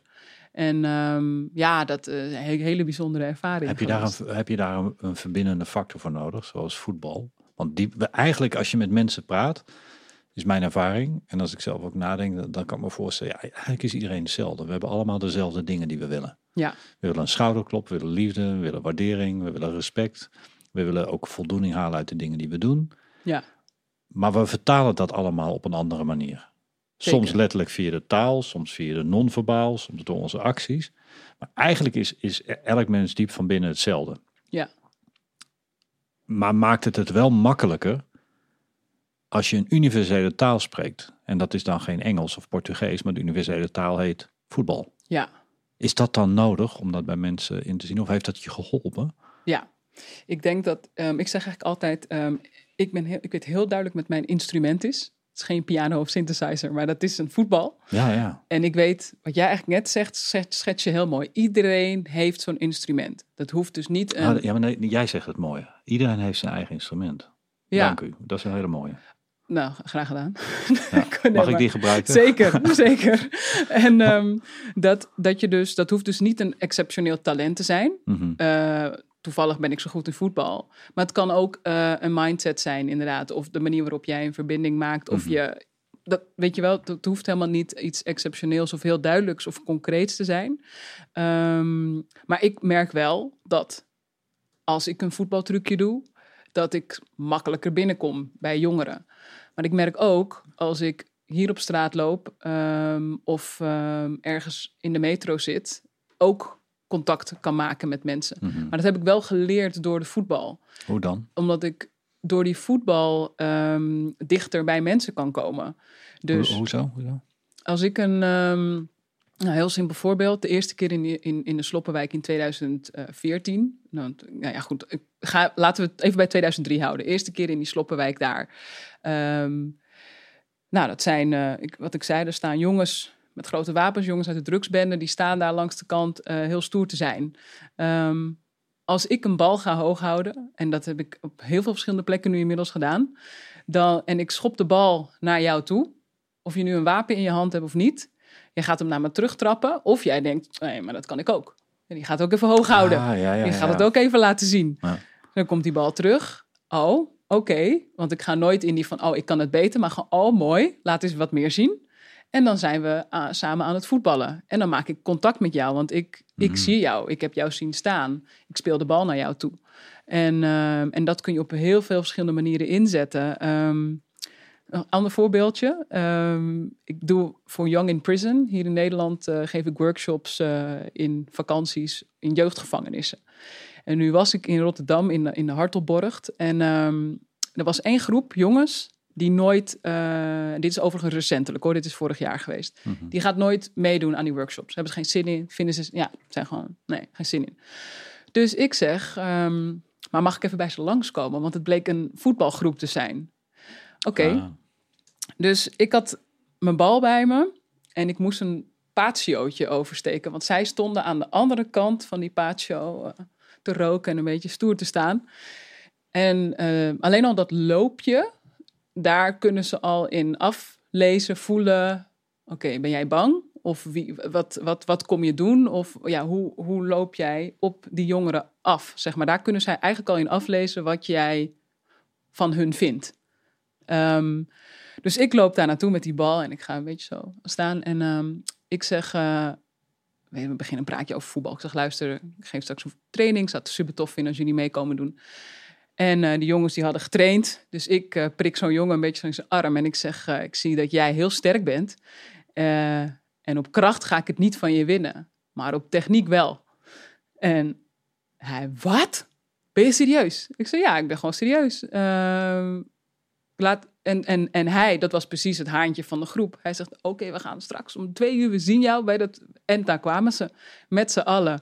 En hebben eh, keihard gevoetbald. En, eh, en dan kun je ook een ander gesprek voeren. Dus dan gaat het niet alleen maar om de voetbalskills. Maar dan, dan is de opening gemaakt om het ook te hebben over... eh, wat heb jij meegemaakt, weet je wel? mhm. Waarom zit jij hier? Of het hoeft niet precies, het gaat dan niet om wat je hebt gedaan, maar wat is er gebeurd? Ehm, en dat is voor mij, daar is voetbal voor mij een hulpmiddel in geweest. En inmiddels weet ik dat ik niet alleen maar die voetbal daarvoor nodig heb. Mhm. Want dat is iemand echt durven zien. Zonder een vooroordeel, ondanks dat ik die ook gewoon met me meedraag, wat heel menselijk is. Mhm. Eh, maar ja, goed. Nee, maar dit is, Dat. dit is interessant. Want zeker als je het over oordelen hebt, dan heb je het ook eh, al over misschien wel veroordelen en zo. Ik heb ooit met een diplomaat gesproken die de wereld over ging. En die, eh, die had altijd een pak met kaarten bij zich. En die kon kaartentrucjes. En eh, hij zegt, als grap zei hij dat, of niet, dat weet je nooit bij een diplomaat. Hij zei, Hmm. daar heb ik oorlogen mee voorkomen. Ja, Het is een soort iets wat, wat mensen mooi vinden. En ik kan me voorstellen dat je heel erg veel geluk hebt dat je zo'n prachtig instrument hebt Ja, waarmee je de hele wereld over kan en met iedereen eigenlijk connectie kan maken. ja, Maar wat ik nog interessanter vind, wat je net zegt, je hebt geleerd dat je dus die connectie kan maken. eh, in mijn woorden, ik weet niet of jouw woorden zijn, Ja. maar je connectie kan maken zonder voetbal. ja. Maar misschien gaan we te snel. Is er nog iets uit je cv wat, wat, wat, wat ik nou oversla met deze vraag, of niet? Mm, ja, ik denk dat, dat, ehm, dat het goed is om te kijken naar. eh, dat heb ik geleerd in 2003. En dan, eh, dus hou, hou hem vast, inderdaad. Want ehm, dan kom je terug in Nederland. Nou, je bent 18 pas, hè? En dan denk je: wauw, ik wil een eigen stichting op gaan zetten. Ik wil naar Brazilië. Ja, ik ga daar stage lopen, daar ga ik mee beginnen. En dan ben je in Nederland. En dan, oh, ik moet Portugees leren. Want die mensen spreken niet echt Engels. Ja, en als je echt wel contact wil maken, moet je uiteindelijk wel ook wel met elkaar kunnen communiceren. Ja, oké. En dan kom je weer in de waan van de dag. En dan duurt het volgens tien jaar. Ja, life gets in the way. Ja, precies. Maar ook smoesjes. Je, kan, je kunt altijd wel wat verzinnen om niet te doen. Als dan, Ja, als dan, dan Ja. niet. Ja. En, en ik had ook heel vaak, eh, want ik heb eh, ook naar wat andere eh, afleveringen gelezen, geluisterd van jullie, dat je zegt van ja, had ik maar, zeg maar, dat gevoel. Mhm. Ehm, ik ben iemand, ik geef, geef mez- mezelf wel een schop onder, onder mijn kont. En, en, en ik ga ervoor, zeg maar. Dus ehm, uiteindelijk gewerkt in de reclamewereld. Dat vond ik leuk en aardig. Heel leuk en aardig. Maar ik voelde wel die, ik wil terug naar Brazilië. Je wilde voldoening hebben. Ja, absoluut. En eh, dat, gelukkig deed ik binnen, ik werkte, werkte onder andere ook bij Youngworks, eh heel veel projecten ook op jongeren- en sociaal vlak. Eh, Mhm. eenzaamheid, mantelzorg, dat soort dingen. Dus dat zat erin. Maar je wilde iets wat toch ook een beetje van jezelf was, weet je wel? Waar je helemaal je eigen ding in kon doen. En dus besloot ik in 2014 drie maanden onbetaald verlof te nemen van mijn werk. En samen met Philip Veldhuis, vriend van mij, Favela Street Girls op te gaan zetten. Het, het eerste project eh, in Brazilië. En dat letterlijk, ik begon daarmee met, nou ja, leuk, heb ik dat gedaan, drie maanden. Maak het wat klein, gewoon, dit is haalbaar, dit gaan we doen. Philip zegt tegen mij, je gaat of je baan opzeggen hierna en door met Favela Street. Of je loopt tegen de lamp en denkt, jeetje, dit is wel heel heftig. Want je, je, je, gaat, je stopt jezelf wel in een heftige situatie. Nou, het is dus het andere geworden. Ehm, en door die succeservaring, door een eigen crowdfunding op te zetten, helemaal voor je gevoel alleen naar die favela te gaan, niet te weten waar je terechtkomt, in de favela gaan wonen, in een huisje, eh, waar je soms wakker wordt van het geschiet tussen de drugsbende en de politie. Ehm, en gewoon een project neerzetten in alle vrijheid. Nou, dat was echt. Dat heeft ook weer mijn hele leven op zijn kop gezet. Dat je dat doet tegen ergens alle verwachtingen bij mezelf in. Want ik ben iemand die heel veel last van heimwee heeft. Dus ik vind het heel moeilijk om van huis te zijn, vond ik. Ehm, dus toen ik naar Brazilië ging voor die drie maanden, heb ik echt eh, een week lang, voordat ik ging, echt gehuild. Met angst. En ik dacht, wat ga ik doen? Ik heb dit allemaal gezegd en nu moet ik het gaan doen, want ik heb geld opgehaald. Ik moet. Hoe kan ik hier onder... Ja, ik wilde gewoon echt niet. In dat vliegtuig naar Rio huilen. Overgeven van het huilen. Aankomen in Brazilië en denken, nou, dit hou ik niet vol. En dan na een week lang daar huilen. Er, erachter komen. Oh, wacht even. Ja, dit is, dit is het allermooiste wat ik heb mogen meemaken. Ik had op mijn fietsje kunnen blijven zitten naar de Prinsengracht bij Youngworks. Of ik stap het vliegtuig in en ik ga het gewoon doen. En, en dit is misschien wel een beetje een cliché, maar daar is het een cliché voor. Uit je comfortzone, maar angsten aangaan. Dat doet hier heel veel pijn in je buik, dat voel je. Maar dan moet je gewoon doorheen. En dan kom je op hele mooie plekken uit. En, ehm, en dat tankt ook weer heel veel zelfvertrouwen, die succeservaring. Feel the fear and do it anyway. We hadden Ja. het heel toevallig eh Oh ja. laatst erover. Ja, En elke keer weer, me- 25 jaar lang bestudeer ik toppers die bijzondere dingen doen. En elke keer is het weer hetzelfde. ja, hè? Je moet ja, prijs betalen, ja, je moet uit je comfortzone. eh, en feel the fear and do it anyway. ja. Je lichaam is bang, maar jij niet. Ja, en, en, en dat is wat, wat de mensen niet altijd zien. Hè? Dus eh, dat vind ik ook mooi als ik een presentatie mag geven. En dat Mhm. mensen dan ook vragen van, maar wat... eh, dat klinkt dan... t- tenminste bij een presentatie, mag ik ook mijn kwetsbaarheden delen. Ja, want jij bent onder andere public speaker. Dus je staat op eh, allerlei websites waar je sprekers kunt boeken. Ja. En eh, jij hebt een aantal onderwerpen, heb ik gezien, waar je over spreekt. Maar dat is ook pittig. Maar sorry, ik onderbreek je. Maakt niet uit. Ik vind altijd Nee, stoer ja. als mensen op podia staan, vind ik stoer. Ja, ja, en ook dat is eigenlijk eh, een beetje bij toeval ontstaan. Waarbij ehm, ik werd gevraagd door eh TEDx Youth Amsterdam ehm, of ik een praatje wilde houden. En ik dacht, hoe, oud- ik was toen, jeetje, ehm, volgens mij was ik 29, 30, zoiets. Ik gaf al heel veel lezingen vanuit Youngworks over het puberbrein, eh, motivatie en talentontwikkeling bij jongeren. Dus die kennis, heel handig. Want ik Mhm, deed heel veel mhm. dingen onbewust. In één keer had ik door, oh, wacht even Mhm. dit zit daar allemaal achter. En dan kun je het ook veel beter overbrengen naar een ander dan dat je zegt, ja, het is gewoon een gevoel. Of ja, dan moet je. Nee, er zit, er zitten heel veel, we- heel veel wetenschap zit daar al achter. En dat moet je gewoon aan elkaar Oeh, koppelen. Daar ga ik straks over Ja, praten. dat is leuk. Cannot wait. Ja, dat is leuk. Maar maak dit af, want dit is Ja. interessant. hè? Nou, to- toen ging het zeker interessant, omdat ehm, ik dacht, ik kan al presentaties geven. Hoezo moet ik op een soort schrijverskamp, storytellingkamp Mhm. of zoiets? Oké, ik ga maar naar dat storytellingkamp. Ik daarheen. Het ging over het vormen van je verhaal. Toen dacht ik, oh, wacht even, dat is wel nuttig. Heb ik nog nooit gedaan. Dat vormen van je verhaal is zo'n kwetsbaar proces, eh, waarbij ehm, ja, je er eigenlijk achter komt waarom je de dingen doet die je doet. Of waarom je de dingen belangrijk vindt die je belangrijk vindt. En eh, de eerste keer dat ik dat verhaal van mezelf opschrijf, met die blessure. ehm, en ik vertel dat voor die groep mensen. eh, ja, acht tot tien mensen of zoiets. En ik voel hier iets van emotie en dat komt omhoog. En dat, dat komt hier. En ik ben een stoere chick natuurlijk. En ik huil niet. Een onzin. en, eh, en die emotie komt vrij met tranen. Ehm, en ik, ik voel een soort van. Ik voel me daar heel ongemakkelijk bij. Want ja, er zitten mensen die ik niet ken. Maar ik zag eigenlijk toen ik opkeek. dat iemand anders ook al aan het huilen was. Die was blijkbaar geraakt ook door het verhaal. En, ehm, en toen voelde ik van, oh wacht even, mijn verhaal kan dus mensen raken, het kan mensen inspireren. En toen heb ik dat praatje gedaan. En vanaf dat moment ben ik eigenlijk bewuster met dat verhaal bezig gegaan. En ben ik er ook achter gekomen dat het niet alleen nou, fijn is, want het is mijn verdienmodel. Ik kan, ik kan daar mijn boterham mee betalen. Ehm, ik kan daar andere mensen mee raken. Maar het is ook een proces van heling geweest voor mezelf.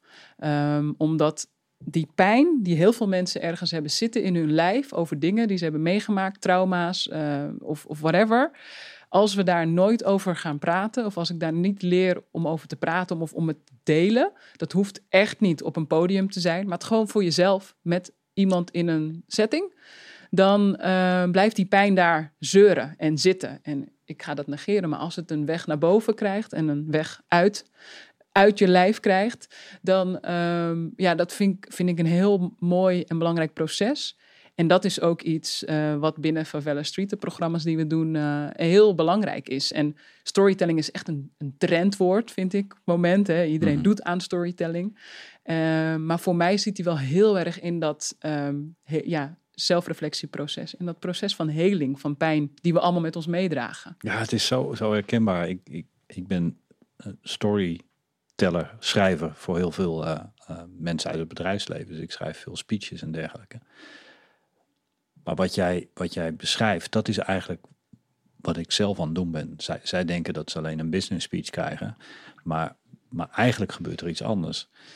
Het is ook een cliché, maar het is eigenlijk connecting the dots. Als jij bewust over je levensverhaal gaat nadenken, dan lost dat trauma niet alleen op, dat is mijn mening, kan oplossen doordat je erover leert praten. Ja. Maar je, je trekt het ook in een bredere context, waardoor het eigenlijk een soort, ook weer zo'n cliché, stepping stone door het succes van nu gaat worden. Ja. Dus ik kan me wel heel erg, heel erg goed voorstellen wat je zegt. En ik heb het zelf ook meegemaakt. Ik heb een paar verschrikkelijke pijnpunten in mijn leven. En die heb ik allemaal verwerkt in mijn verhaal.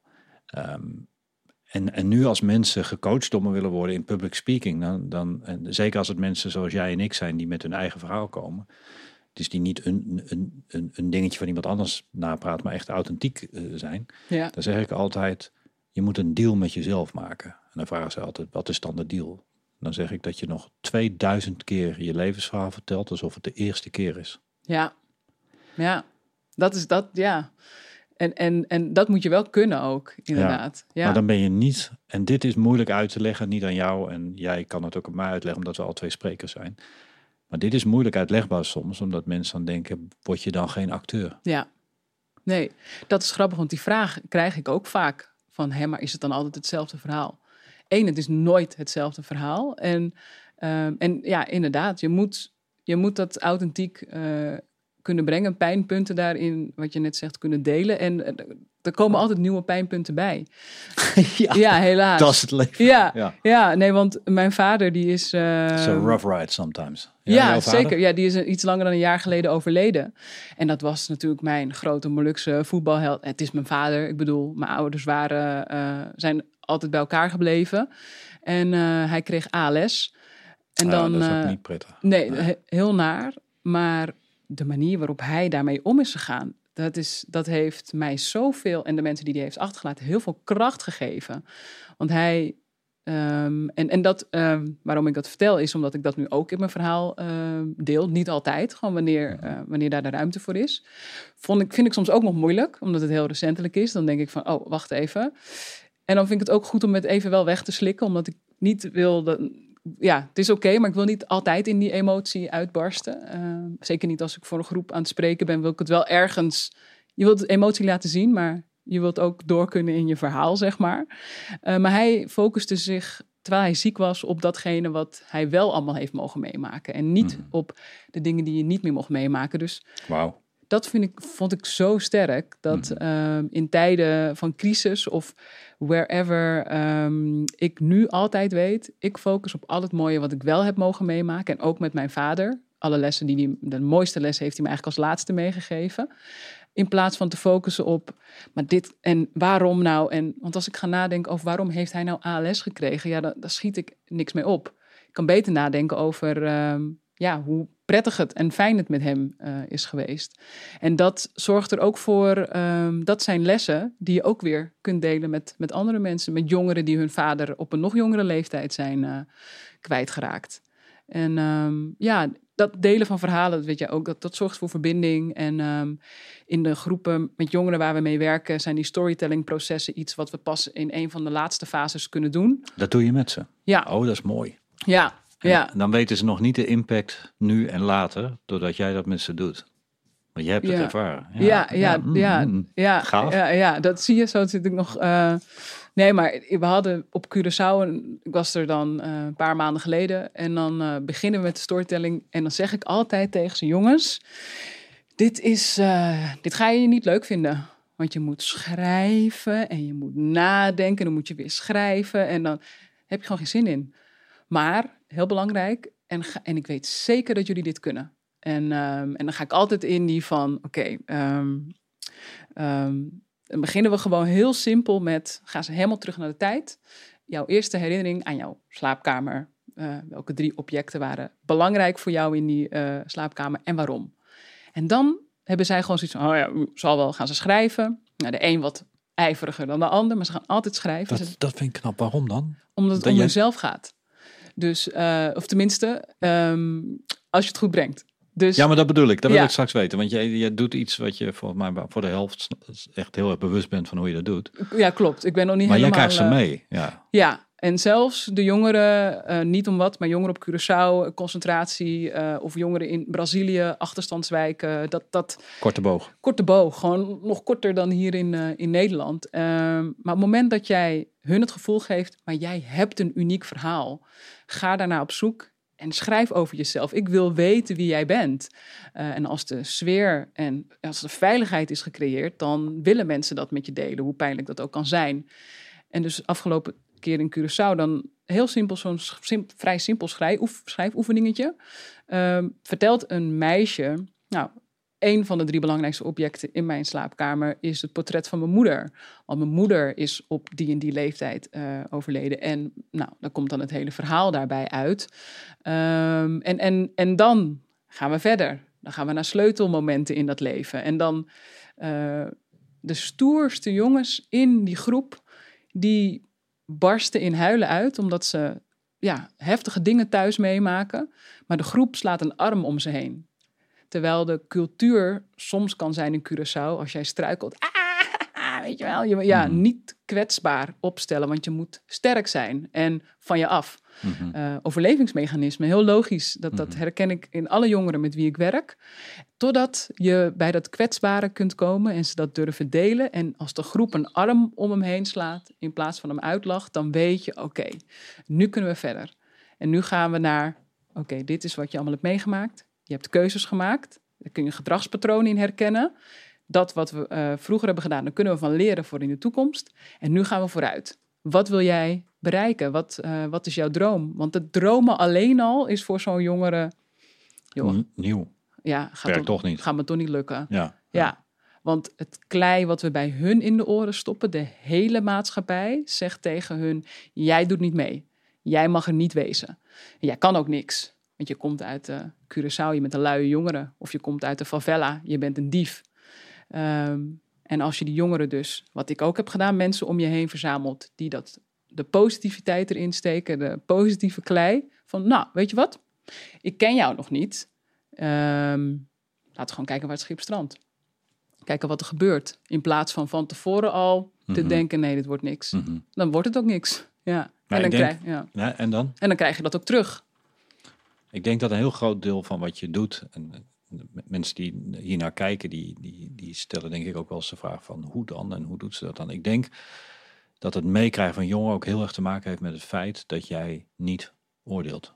Ja. Jij ziet die jongeren als een jong mens. Punt. That's it. Ja, En daar werk je mee, daar ga je mee contact maken. Maar niet wat de voorgeschiedenis, als je die al weet, zou zijn. ja, Het is het, het, is het punt vanaf nu en dan naar voren kijken. ja. Klopt dat? Ja, zeker. En, en ehm, ehm, ja, wel oprechte interesse hebben, inderdaad. Echt oprecht willen weten wie ben jij. En ehm, ik ben echt niet perfect hoor. Dus ik heb ook echt wel mijn momenten dat ik soms met de jongeren denk... Jee, kom op zeg, weet je wel. Wegwezen nou. En, eh, ehm, maar daar ben ik ook eerlijk in. Dus als ik een, workshop eh, heb en ik voel ik zit er niet lekker in vandaag met mijn energie. Ik ben moe, ik ben ook maar een mens. En ik merk al, er wordt daar te veel gerommeld. Mhm. En ik begin al mijn stem te verheffen. Hallo jongens! Dan is het al te ver. Dan weet ik al, oké. En dan zeg ik gewoon tegen ze, luister jongens, gewoon heel eerlijk. Ik ben moe. Ik heb eh, dit en dit gedaan. Ehm, sorry als ik uit mijn slof schiet. Maar hou ook rekening met mij. Luister alsjeblieft. En, en dat kun je doen doordat je daar heel veel tijd en aandacht in best- aan besteedt. In, eh, ja, in, ik noem het mijn teambuilding fase. Echt samen met elkaar. Eh, en dan gaan jongeren dat van je accepteren ook. En, eh, en niet alleen jongeren. Dat, dat, dat geldt ook gewoon voor volwassen mensen. Ja, Ja. nee, ik zit heel erg te schakelen van dit geldt voor, voor, voor mensen. Ja. New Life University, een platform voor persoonlijke ontwikkeling. Een platform waar we veel meer voor je kunnen betekenen dan alleen deze podcast. Wij willen mensen helpen een sterke verbetering van hun leven te realiseren. Dat kan zowel op privé als zakelijk vlak zijn. Ik denk dat mensen tot veel meer in staat zijn. Maar we hebben niet de gebruiksaanwijzing gekregen bij onze geboorte hoe we het beste uit onszelf halen. En dat is de reden waarom wij Powertrail hebben ontworpen. Powertrail is een opleiding van vijf weekenden waar we het hebben over succes, geluk, hoe kom je erachter wat je precies wilt? Hoe verbeter je je relatie? Hoe krijg je er een? Hoe krijg je meer rust en balans? Hoe versnel je je carrière?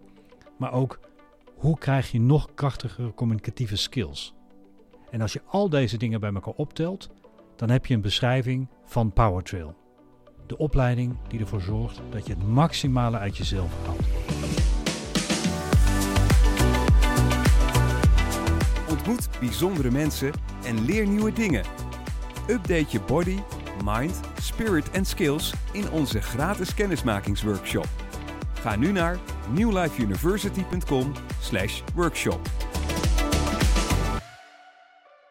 Ik heb een vraag nog even. Ehm, hoe is jouw, link, jouw missie dan te linken? Ehm, of waar linkt die dan met je, ja, mijn missie is om als, als een komma te denken. Heel abstract. Ja. Ja, leg, leg even uit. Ik, Ja. Wat bedoel je daarmee? Ja, ik, ehm, ik, ik hang hem aan de groeimindset op. Dus ehm, Growth Ja. mindset. Ja, ja de, de growth mindset. Ja, eh, mooi. waarbij je eigenlijk eh, mensen bij de, hebt die bij de punt zitten, bij de fixed mindset. eh, of mensen bij de komma, bij de growth mindset. Zo maak ik hem even praktisch, de punt en de komma. Ja. En ehm, ik zeg eigenlijk altijd dat je inderdaad, je kunt bij de punt zitten. Dan zeg je eigenlijk van tevoren al, dat gaat me niet lukken, ehm, naar jezelf toe. Punt. Ik ga die uitdaging gaan. Klaar. Is het, oh, zo, oh, ja, mooi. Ja, maar kan hem ook naar jou hebben. Ja, ja, Dus ze kan al bij van tevoren denken, joh, mm, gaat hem niet worden vandaag. dat is de komma. Ja. Mooi zeg. En dan kom je dus bij die komma. En dat gaat er niet alleen voor zorgen dat je jezelf gaat verrassen, maar je ook constant verrast wordt door de mensen om je heen. Er is geen punt. Nee, want het kan. Het, en ehm, je kan er ook achter komen dat de klikker dus blijkbaar niet is. Maar dan hebben we het in ieder geval geprobeerd en we, we zijn een richting op bewogen. Wauw, Ja, die is mooi. ja mag, je ook, mag je ook gebruiken als je wil. Ja, maar hier komt, hier komt jouw naam elke keer nog bij, want Ja. dit is jouw missie. Mijn missie is mensen helpen leren te worden en te zijn. Hm. Is ook een hele mooie. Nou, Ook een hele ingewikkelde. zeker. Ja. Zeker als je dan eh, als, als trainer of als coach met mensen aan de slag gaat, dan moet je ook jezelf zijn. En als Ja. je de wetenschap erop naslaat, is het godszo mogelijk om jezelf te zijn. Omdat je altijd sociale check eh, doet en, en je wil nooit uitgestoten worden door de fear of rejection. Ja. Dus het is een, eh, een, zeg maar een, een hele coole missie, maar ook wel af en toe soms pittig. ja, en dat doe je individueel of in groepen of allebei? Alles, alles ja. Ja. Ik heb gemerkt dat, maar dat is persoonlijk, individueel is pittig. Ja, Net voordat jij hier kwam heb ik iemand eh, gecoacht. En, eh, en dat, dat, nou, dat zul je misschien herkennen als pittig. Als ik voor een zaal sta, zeker als er meer dan twintig mensen in de zaal zitten. eh, zeker bij de hele grote zalen. Dat is heel spannend.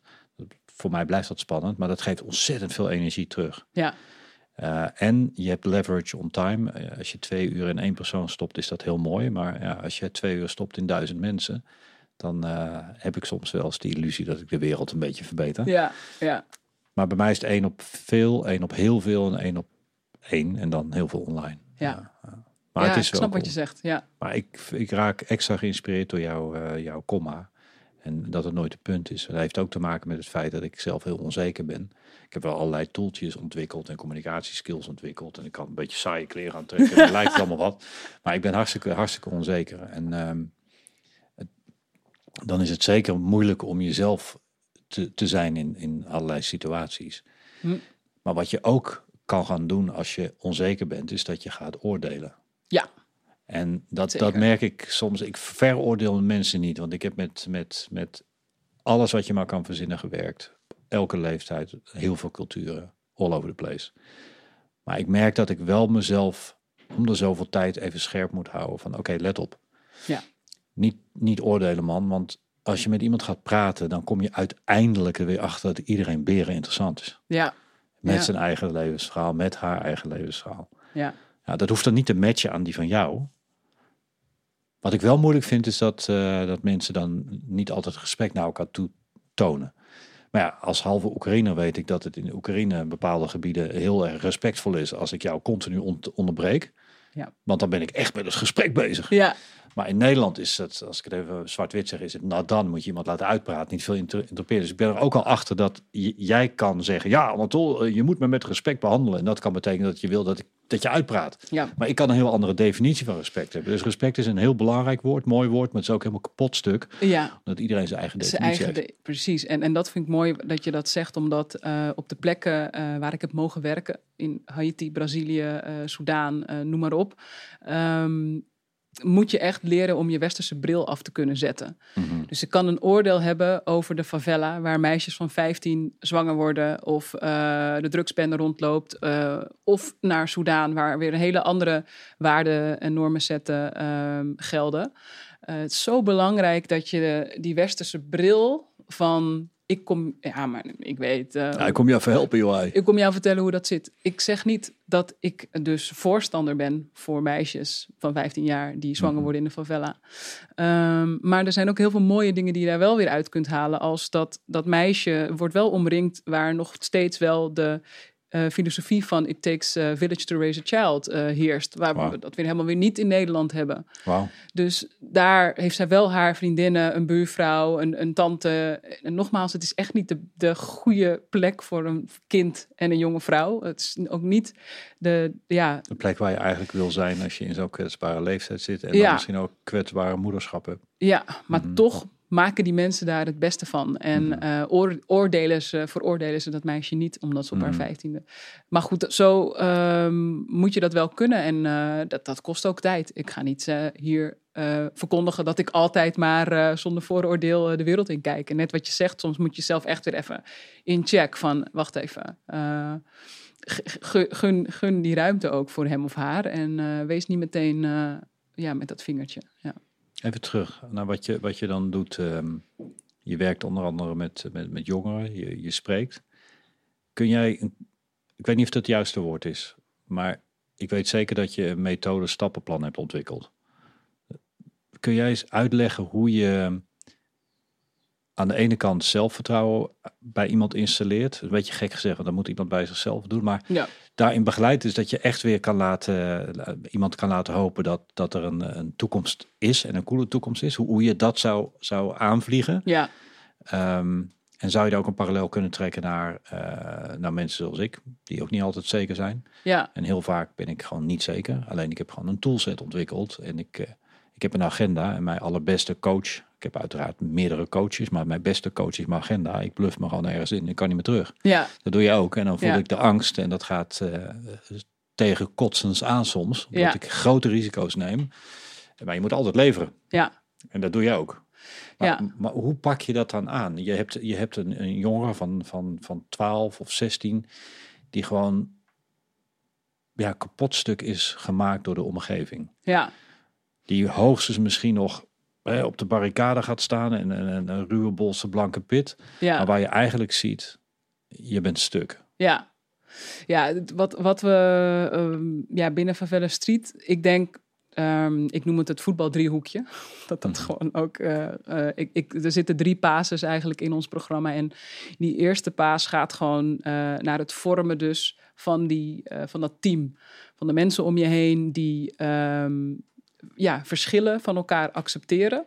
eh, die wel ook doorhebben dat eh, ze meer met elkaar gemeen hebben dan, dan verschillen. Eh, dus dat gaat heel, daar gaat voor ons een hele hoop tijd in. Ehm, ik, ik maak daarna even de, de parallel naar, naar iemand zoals jij. Ehm, eh, eh, ervoor zorgen dat je voelt, ik kan hier zijn wie, ik, wie ik ben. En ehm, dat betekent ook dat je niet een hele groep met de, eigenlijk de jongeren moet samenstellen eh, zoals die je net beschreef. Dus alleen maar van dat soort jongeren bij elkaar. Dan hebben ze eigenlijk niemand, behalve ik, die misschien wel te ver van hun bedshow is, om aan op te trekken. Dus ze hebben die leeftijdsgenoten nodig die ook niet allemaal mega in de problemen zitten. Of, Die, eh, net, die net even een, een of twee stapjes verder zijn. Ja, Waar ze zich nog aan kunnen optrekken. precies. En De role, de role models, maar dan, ik, ik ben even de naam kwijt, maar de role models van je, van je eigen peers. ja, gewoon je, ja, inderdaad, je peer group. Ja, je peer groups, sorry. Ja. Eh, nee, maakt niet uit. En ehm, dus ik wil wel altijd, eh want zeggen was, maar werk je alleen maar met probleemjongeren? Dat vind ik ook al een vervelend woord. ja, of dat kansarm. dat rotwoord. Ja, en, en, ehm, en dan zeg ik altijd, nee, weet je, je moet die groep samenstellen met verschillende... eh, ik werk met mensen, punt. Ja, en, en ehm, ook jongens en meiden bij elkaar. Mhm. Dus ehm, dat vormt dan een familie, zeg ik eigenlijk. Dat is, een, eh, dat, zijn, eh, dat is je steun, ook op het moment dat ik weer weg ben. Want ik ben er altijd eh, twee tot drie weken. En dan hebben ze weer een periode in zelfstandigheid. Maar goed. En dan komt eigenlijk die tweede paas. En die gaat over focus op het individu. Is dat dan is er, als het goed is, genoeg veiligheid gecreëerd om eens naar onszelf te gaan kijken. Ehm, ik vertrouw de mensen om me heen. Ik durf nu iets meer van mezelf te laten zien. Mooi. Dus dan gaan we naar zelfreflectie. En dat begint heel simpel met leren reflecteren op een voetbalactiviteit die we met z'n allen hebben georganiseerd. Dus eh, bij mij is voetbal altijd, ehm, ja, dat, dat, die, dat komt natuurlijk altijd terug. Dus we gaan samen iets organiseren, eh, voetbaltrainingen, activiteiten. En dan komen ze er altijd achter, wauw, ik kan iets voor een ander doen. met zoiets kleins. En het gevoel wat ik daarvoor terugkrijg is heel fijn. Uh, hier kun je bijvoorbeeld, uh, vroeger had je hier een maatschappelijke stage, of ik weet niet hoe dat, de jongeren dan in dat vrijwilligerswerk worden geduwd. Mm -hmm. oh, moet ergens uh, ouderen helpen. Maar als je dat op een manier doet waar ze zelf ook wat ze leuk vinden en wat ze zelf ook kiezen, um, dan kom ik zo weer even terug. Um, ook even wat er allemaal onder ligt, is dus dat je, dan hebben we focus op onszelf. Uh, in die laatste fase van die, laatst, van die paas, van focus op het individu, gaan we in die storytelling zitten. Uh, ja, pijn, kwetsbaarheid, delen. En eigenlijk in die laatste eindpaas, in die derde paas, gaan we weer naar buiten toe. Want uh, we hebben geleerd ik heb geleerd waar mijn kracht ligt. Dit is mijn missie. Dat komt daar vandaan, want dat heb ik allemaal meegemaakt. Um, en nu wil ik dat gaan delen met mijn community. Um, en dat wil ik gaan delen door, ja, misschien heel simpel gezegd, voetbaltoernooien uh, organiseren of een, een, voetbalschooltje. Maar dat kan ook heel wat anders zijn. Dus ondernemerschap wordt dan en netwerk bouwen wordt dan een hele belangrijke. Dit is briljant. Waarom? Ja. Waarom? Dit is briljant.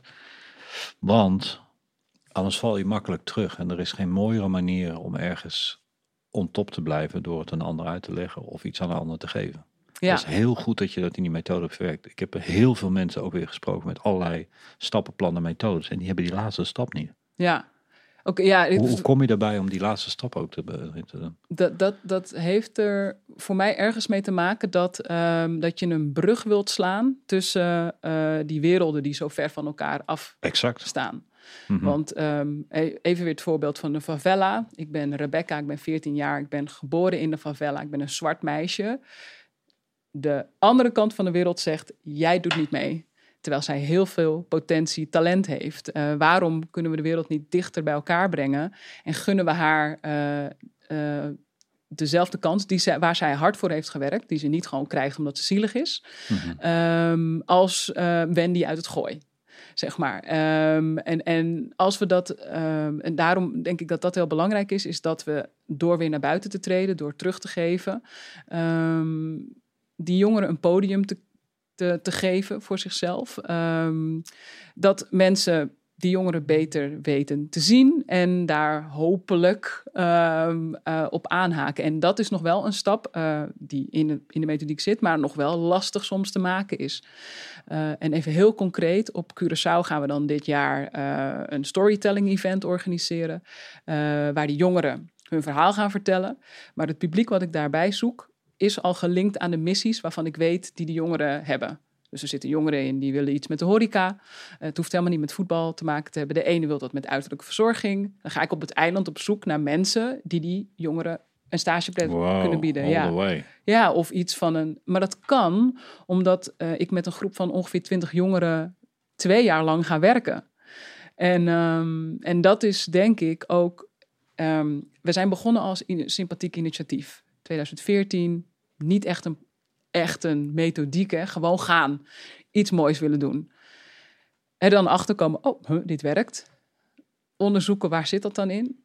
Naar Haiti, uh, Lesbos vluchtelingenkamp, weer terug naar Nederland. Uh, inmiddels nu een project op Curaçao. Maar overal leer je wat en vorm je dus die methodiek. En, um, mm-hmm. en, en, en even kijken, wat ik nu wilde zeggen, ben ik even kwijt. Nou, je hebt een methodiek en ik ging, ik ging praten over het feit dat je, dat je die laatste stap hebt. Ja. Die wordt vaak vergeten. Ja. Eigenlijk is dat uh, embedding en, en zorgen dat, dat ze wat teruggeven, give ja. back. En, ja, ik ben er weer. Ja, wat het uh, ding is, is dat eigenlijk uh, dan heb je met allerlei verschillende mensen, partners, NGO's te maken. Mm. Nou, dan gaat een wereld voor je open als je in Haiti stapt, bij de UNDP over de drempel komt, bij het IOC. En dat zijn ja, Cordate, immens grote NGO's. En ik wilde altijd daarop aanhaken, want ik denk, ja, ik wil, ik wil ook zo'n grote impact hebben. En dan krijg je een presentatie van die mensen met, ja, wij doen dit op honderd verschillende plekken met duizenden jongeren. En dan dacht ik, ja, dat gaat mij nooit lukken. Ik, heb, uh, ik, ik draai projecten met 30.000 euro, weet je wel, dat, nee, dat, dat, dat kan niet. En ik kreeg altijd de vraag: hoe ga jij opschalen? Van wie kreeg je die vraag? Van uh, ja, van, eh, van sparpartners. Hè, mensen die zeggen van ja, jij wilt je impact vergroten. Die zagen eigenlijk dat het supergoed was en die wilden dat je opschaalde Ja. voordat je het zelf zag. Ja, precies. Hoe ga je dit opschalen? Maar ik vond dat een lastige vraag. Mhm. En ook omdat je de kwaliteit van je programma heel belangrijk vindt. Dus Helder. ik sta voor twee jaar lang met twintig jongeren aan de slag. En dat kost, ja, dat kost een hoop geld. Ehm, nu vind ik dat nog heel erg dat ding is van zoveel mogelijk jongeren bereiken. Al is het maar een, eh, een training van een week. Waarin ik kan zeggen, jij bent nu gecertificeerd, gecertificeerd eh, leader in Mhm. jouw wijk. Ja, ehm, dat is heel mooi en dat, dat, ja, dat is heel goed dat mensen dat doen, maar het, is niet, het past niet bij mij. Want ik geloof niet dat jongeren na een week dat kan zijn.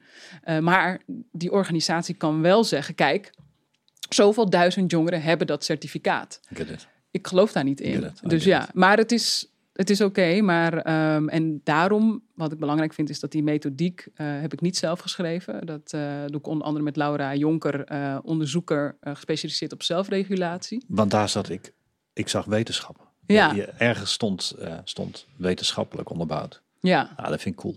Ja, Dus je pakt het wel even serieus aan. ja, om- En, en ja. ja, nee. Nou ja, goed, ook omdat ik de vraag vaak kreeg van wat is dan je impact? Hoeveel jongeren heb je bere- bereikt? En dan zeg ik al, nou, 20. de KPI's en Ja, eh, wat ja. zijn de results? die hebben zoveel activiteiten Ja. georganiseerd. En dan zat ik te kijken en dacht ik, ja, dat stelt natuurlijk eigenlijk ook niet zoveel voor. In vergelijking met de, met de Johan Cruijff Foundation of zo, hè. Ehm, maar ik voelde wel altijd, ja, maar ik maak wel echt verschil. En ik weet, eh, ja, jullie doen dat op een, vind ik, veel kleiner niveau. Op grotere schaal, maar op een kleiner niveau. Ik doe dat op een eh, kleine schaal, maar op een veel hoger niveau maak je verschil. En dat wilde ik ehm, niet alleen meetbaar maken voor mezelf, om, nou, moet je kijken hoe goed ik ben. Ehm, eh, want ik vind dat meten, eh, eh, dat vaak nu wordt gedaan naar je investeerder toe, ter verantwoording, wat natuurlijk heel belangrijk is. En begrijpelijk. Ja, absoluut. Ehm, maar ik zou een investeerder ook wel willen uitdagen om te zeggen, maar ik wil meer weten. Want eh, als één jongere één week een, een activiteit, ja, een week een, een sessie hebt doorgelopen, ja, dat vond hij leuk.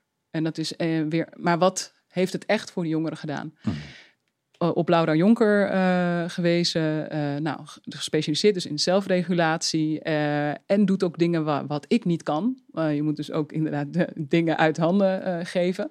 En ehm, eigenlijk vanuit de behoeften van je deelnemer gaan meten. Dus niet vanuit je eigen behoeften. Tuurlijk, ik wil namelijk wel weten in, welk, eh, in welke onderdelen gaat mijn programma goed. Ik zeg dat ik eh, op conflicten hanteren eh, wat doe. Wat, doet, wat, doe ik dat dan al goed of niet? Dat wil ik weten. Maar ik wil de jongeren inzicht geven in hun eh, groeiproces. Ehm, en dat komt weer uit de zelfdeterminatietheorie, waarbij je eigenlijk ja, autonomie, competentie en verbinding, hè, die, eh, ja, goed, die drie knoppen waar je aan kan Nou, doe draaien. eens uitleggen. Ehm, ja, als je, dit zijn overigens he- drie hele belangrijke knoppen binnen de eh, methodiek. Is dat als je het hebt over autonomie, heel belangrijk, eh geef mensen eigen verantwoordelijkheid. Het gevoel dat ze zelf keuzes Heeft zijn mensen nodig. ja, ruimte, geef ruimte voor eigen invulling. Dus bied wel kader, maar geef ruimte voor eigen invulling. Ehm, competentie gaat eigenlijk over het gevoel hebben dat je steeds een stapje verder komt. En dat je eh, voelt, hé, hey, ik, ik, word, ik word er goed in, ik vind het leuk. En eh, jongeren, gezien de ontwikkeling van het puberbrein, hebben niet altijd door dat ze een succeservaring hebben. Dus heel belangrijk dat daar iemand is die zegt, hey, jij bent hier, jij, wat hartstikke goed, high five, heb je goed gedaan, succeservaring. En weer door. Inzicht in dat groeiproces. En dan verbinding. Ja, je wilt je verbonden voelen met degene, met mij, met de trainer, met het hoger gelegen doel en, en onderling, met elkaar. Eh, dus dat zit bij mij helemaal in die eerste paas, weet je wel. Maar die drie competentie, of die drie eh, eh, knoppen, daar draai, draai ik eigenlijk En aan dat zorgt uiteindelijk voor. Motivatie, gem- gemotiveerder eh, in zo'n programma. Want de jongeren eh, die ik, eh, kom zo weer even terug op dat, op dat meten. De jongeren die ik in het programma heb, zijn jongeren die dit allemaal naast hun schooltijd doen. Dus het zijn jongeren die in hun weekend op zaterdagochtend of op vrijdagmiddag na school nog twee uur lang met mij in een klaslokaal zitten. En we het hebben over zelfreflectie, storytelling. Ik ben niet een balletje met ze aan het trappen. Ja, dat doen we aan het einde. En dan gaan we daarna ook nog samen wat eten. Ehm, want eten is ook heel belangrijk samen. Ehm, maar dat doen ze omdat dat hele programma over hun gaat omdat daar autonomie in zit, er zit competentie in en er zit verbinding in. Ik vind het leuk om er te zijn. Ik voel dat ik ruimte heb voor eigen invulling. Mhm. Even een heel praktisch voorbeeldje. Ehm, als ik wegga, dan krijgen ze huiswerk. Want ja, ze moeten wel eh, ook zelfstandig aan de bak. Uh, maar ik leg dat huiswerk niet op. Ik vraag aan hun, wat denken jullie dat jullie als groep de aankomende drie maanden met elkaar kunnen organiseren? Nou, wij, nou, dan ga ik wel een beetje uitdagen, een beetje prikken. En zeg ik, nou goed, dan is dit jullie huiswerk. Dat heb je zelf bedacht. Goed, en daar ga ik je ook aan houden. Uh, dus op die manier, weet je wel, ruimte voor eigen invulling. Um, en het mooie is, vind ik, aan ons meetinstrument, is dat wij heel goed kunnen terugleggen. Want we meten in twee jaar zes keer, dat is veel. Um, zes keer kunnen wij laten zien, kijk eens, hier stond je drie maanden geleden. Nu sta je hier. Je geeft ze eigenlijk ook het inzicht in hun succes. Ja, precies. En dan krijg je pas dat ze internaliseren van, oh, wacht even. Ik kan wel iets en ik ben iemand en kijk eens, ik ga vooruit. En, mm -hmm. en ik denk dat, um, dat dat vind ik wel een, een, een, belangrijk ding is, ook binnen de NGO-wereld. En uh, ik ben echt niet degene die daar uh, helemaal weet hoe dat allemaal zit. Want ik doe ook maar een beetje dingen op gevoel nog wel. En blijkbaar pakt dat lekker uit. Um, maar um, ik denk dat dat een belangrijke cultuurverandering is binnen impactmeting. Uh, waarvan ik mensen zou willen uitdagen om meer die kant op te bewegen. Mooi hoor. En de parallel met, met, met mensen, die wordt steeds meer volwassen mensen. Ja. Misschien ook Nee, ja, wat. wat um, Want wat... Dat, is, dat is iets als ik. Sorry dat ik je onderbreek. Nee. Maar dat is iets wat ik heel vaak bij mensen, bij mensen merk. Is dan nemen ze zichzelf iets voor. En dan gaan ze het niet doen omdat ze eigenlijk het geloof er niet in hebben. Of dat ze. To, ja, dan beginnen ze half. Of uh, als ze begonnen zijn, dan stoppen ze weer heel snel. En ik denk dat, dat we dat allemaal hebben. Ja. Maar je hebt er wel een soort methodiek voor gemaakt, die dan ook nog wetenschappelijk gevalideerd uh, uh, is, in ieder geval onderbouwd is, die werkt bij mensen die het echt best wel slecht hebben, zeg maar. Ja. Dus hoe werkt dat dan met als je dat gaat inzetten, bijvoorbeeld in het bedrijfsleven? Ja, hardop, ja en daar, daar kwam ik eigenlijk ook weer een beetje bij toeval achter. Dat je dus, uh, dat begon natuurlijk bij dat spreken bij TEDx Youth. Um, en op een gegeven moment werd ik eerst vooral binnen het onderwijs gevraagd, binnen het jongerenwerk. En, uh, ja, zo beginnen we als uh, ja, sprekers. Ja, ja en nou, dan kun je natuurlijk, dat sluit, dan sluit je ook heel direct aan bij je doelgroep. En op een gegeven moment ging dat meer richting banken, verzekering, echt corporate wereld, uh, sportmerken. Uh, het ging echt alle kanten op van um, wat kleinere bedrijven. En, en dan werd ik gevraagd om eigenlijk um, ja, inspiratie te bieden op uh, het vlak van doorzettingsvermogen, omgaan met verandering. Um, en en dat, dat veranderde steeds weer verder. Uit je comfortzone komen. En doordat je eigenlijk met Favela Street elke keer een nieuwe case aan het bouwen bent, nieuwe dingen aan het leren bent, daar ook je methodiek aan het vormen bent, kun je dat altijd weer delen in dat podium wat je krijgt. Uh, dus op een gegeven moment werd dat mijn verdienmodel. Uh, het spreken, het geven van lezingen, alle kennis die je opdoet, alle ervaringen die je opdoet. En toen voelde ik van, oké, uh, als we een programma kunnen ontwikkelen voor jongeren in Sloppenwijk of gewoon jongeren hier in Nederland. Uh, en jij zegt het, het gaat eigenlijk gewoon om mensen, om basisprincipes ja. daarin. Ja. Uh, waarom ontwikkel je dan ook niet zo'n programma voor het bedrijfsleven of voor mensen hier in Nederland? Want wat ik uh, vaak krijg is de vraag. Maar um, ik wil doen wat jij doet. Dus uh, dan ben ik bij uh, Ziggo Vodafone of, uh, en dan heb je altijd een praatje daarna of Nike, wherever. En dan krijg je altijd de vraag van mensen, ik wil doen wat jij doet. Um, maar niet, ik ben niet goed in voetbal. Maar ik wil wel iets terug doen voor de wereld. En dan dacht ik altijd, ja, oké, dan moet je naar op zoek gaan. Dat is een proces. Dat, nou, toen ben ik um, in aanraking gekomen met uh, Tom en Haaien van Ken Ben. Dat is een, een trainings- en coachingsbureau uh, die onder andere het traineeship-programma voor jacht, jacht, jacht, jacht, jacht, jacht ja. ontwikkeld. samen met, met mijn voorzitter binnen bestuur, Bart Ridder. En dan nog Mariette Bredhouwer, die onder andere verantwoordelijk is voor het Nike Community Impact binnen Nike.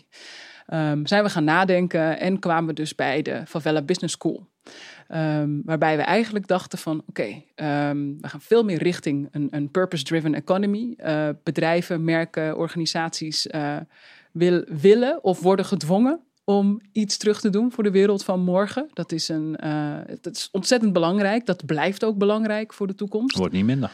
Wordt, wordt, alleen, wordt alleen maar meer. Mm -hmm. die mensen die daar werken, die high potentials of de mensen binnen het bedrijfsleven, die hebben ontzettend veel mooie skills opgedaan. Uh, in de Nijrode Business University of andere hele andere mooie uh, onderwijsinstituten. Um, maar wat gebeurt er nu als je hun vraagt om die skills om te zetten in waarde uh, voor de wereld? Je kunt heel goed dat product verkopen, uh, maar hoe kun je die vaardigheden nu inzetten om ja, ook van waarde, zijn, uh, voor waarde te zijn op de wereld van morgen? En daarin hebben we een programma ontwikkeld. Um, en dat start eigenlijk bij Discover Who You Really Are. Kom erachter wie je bent.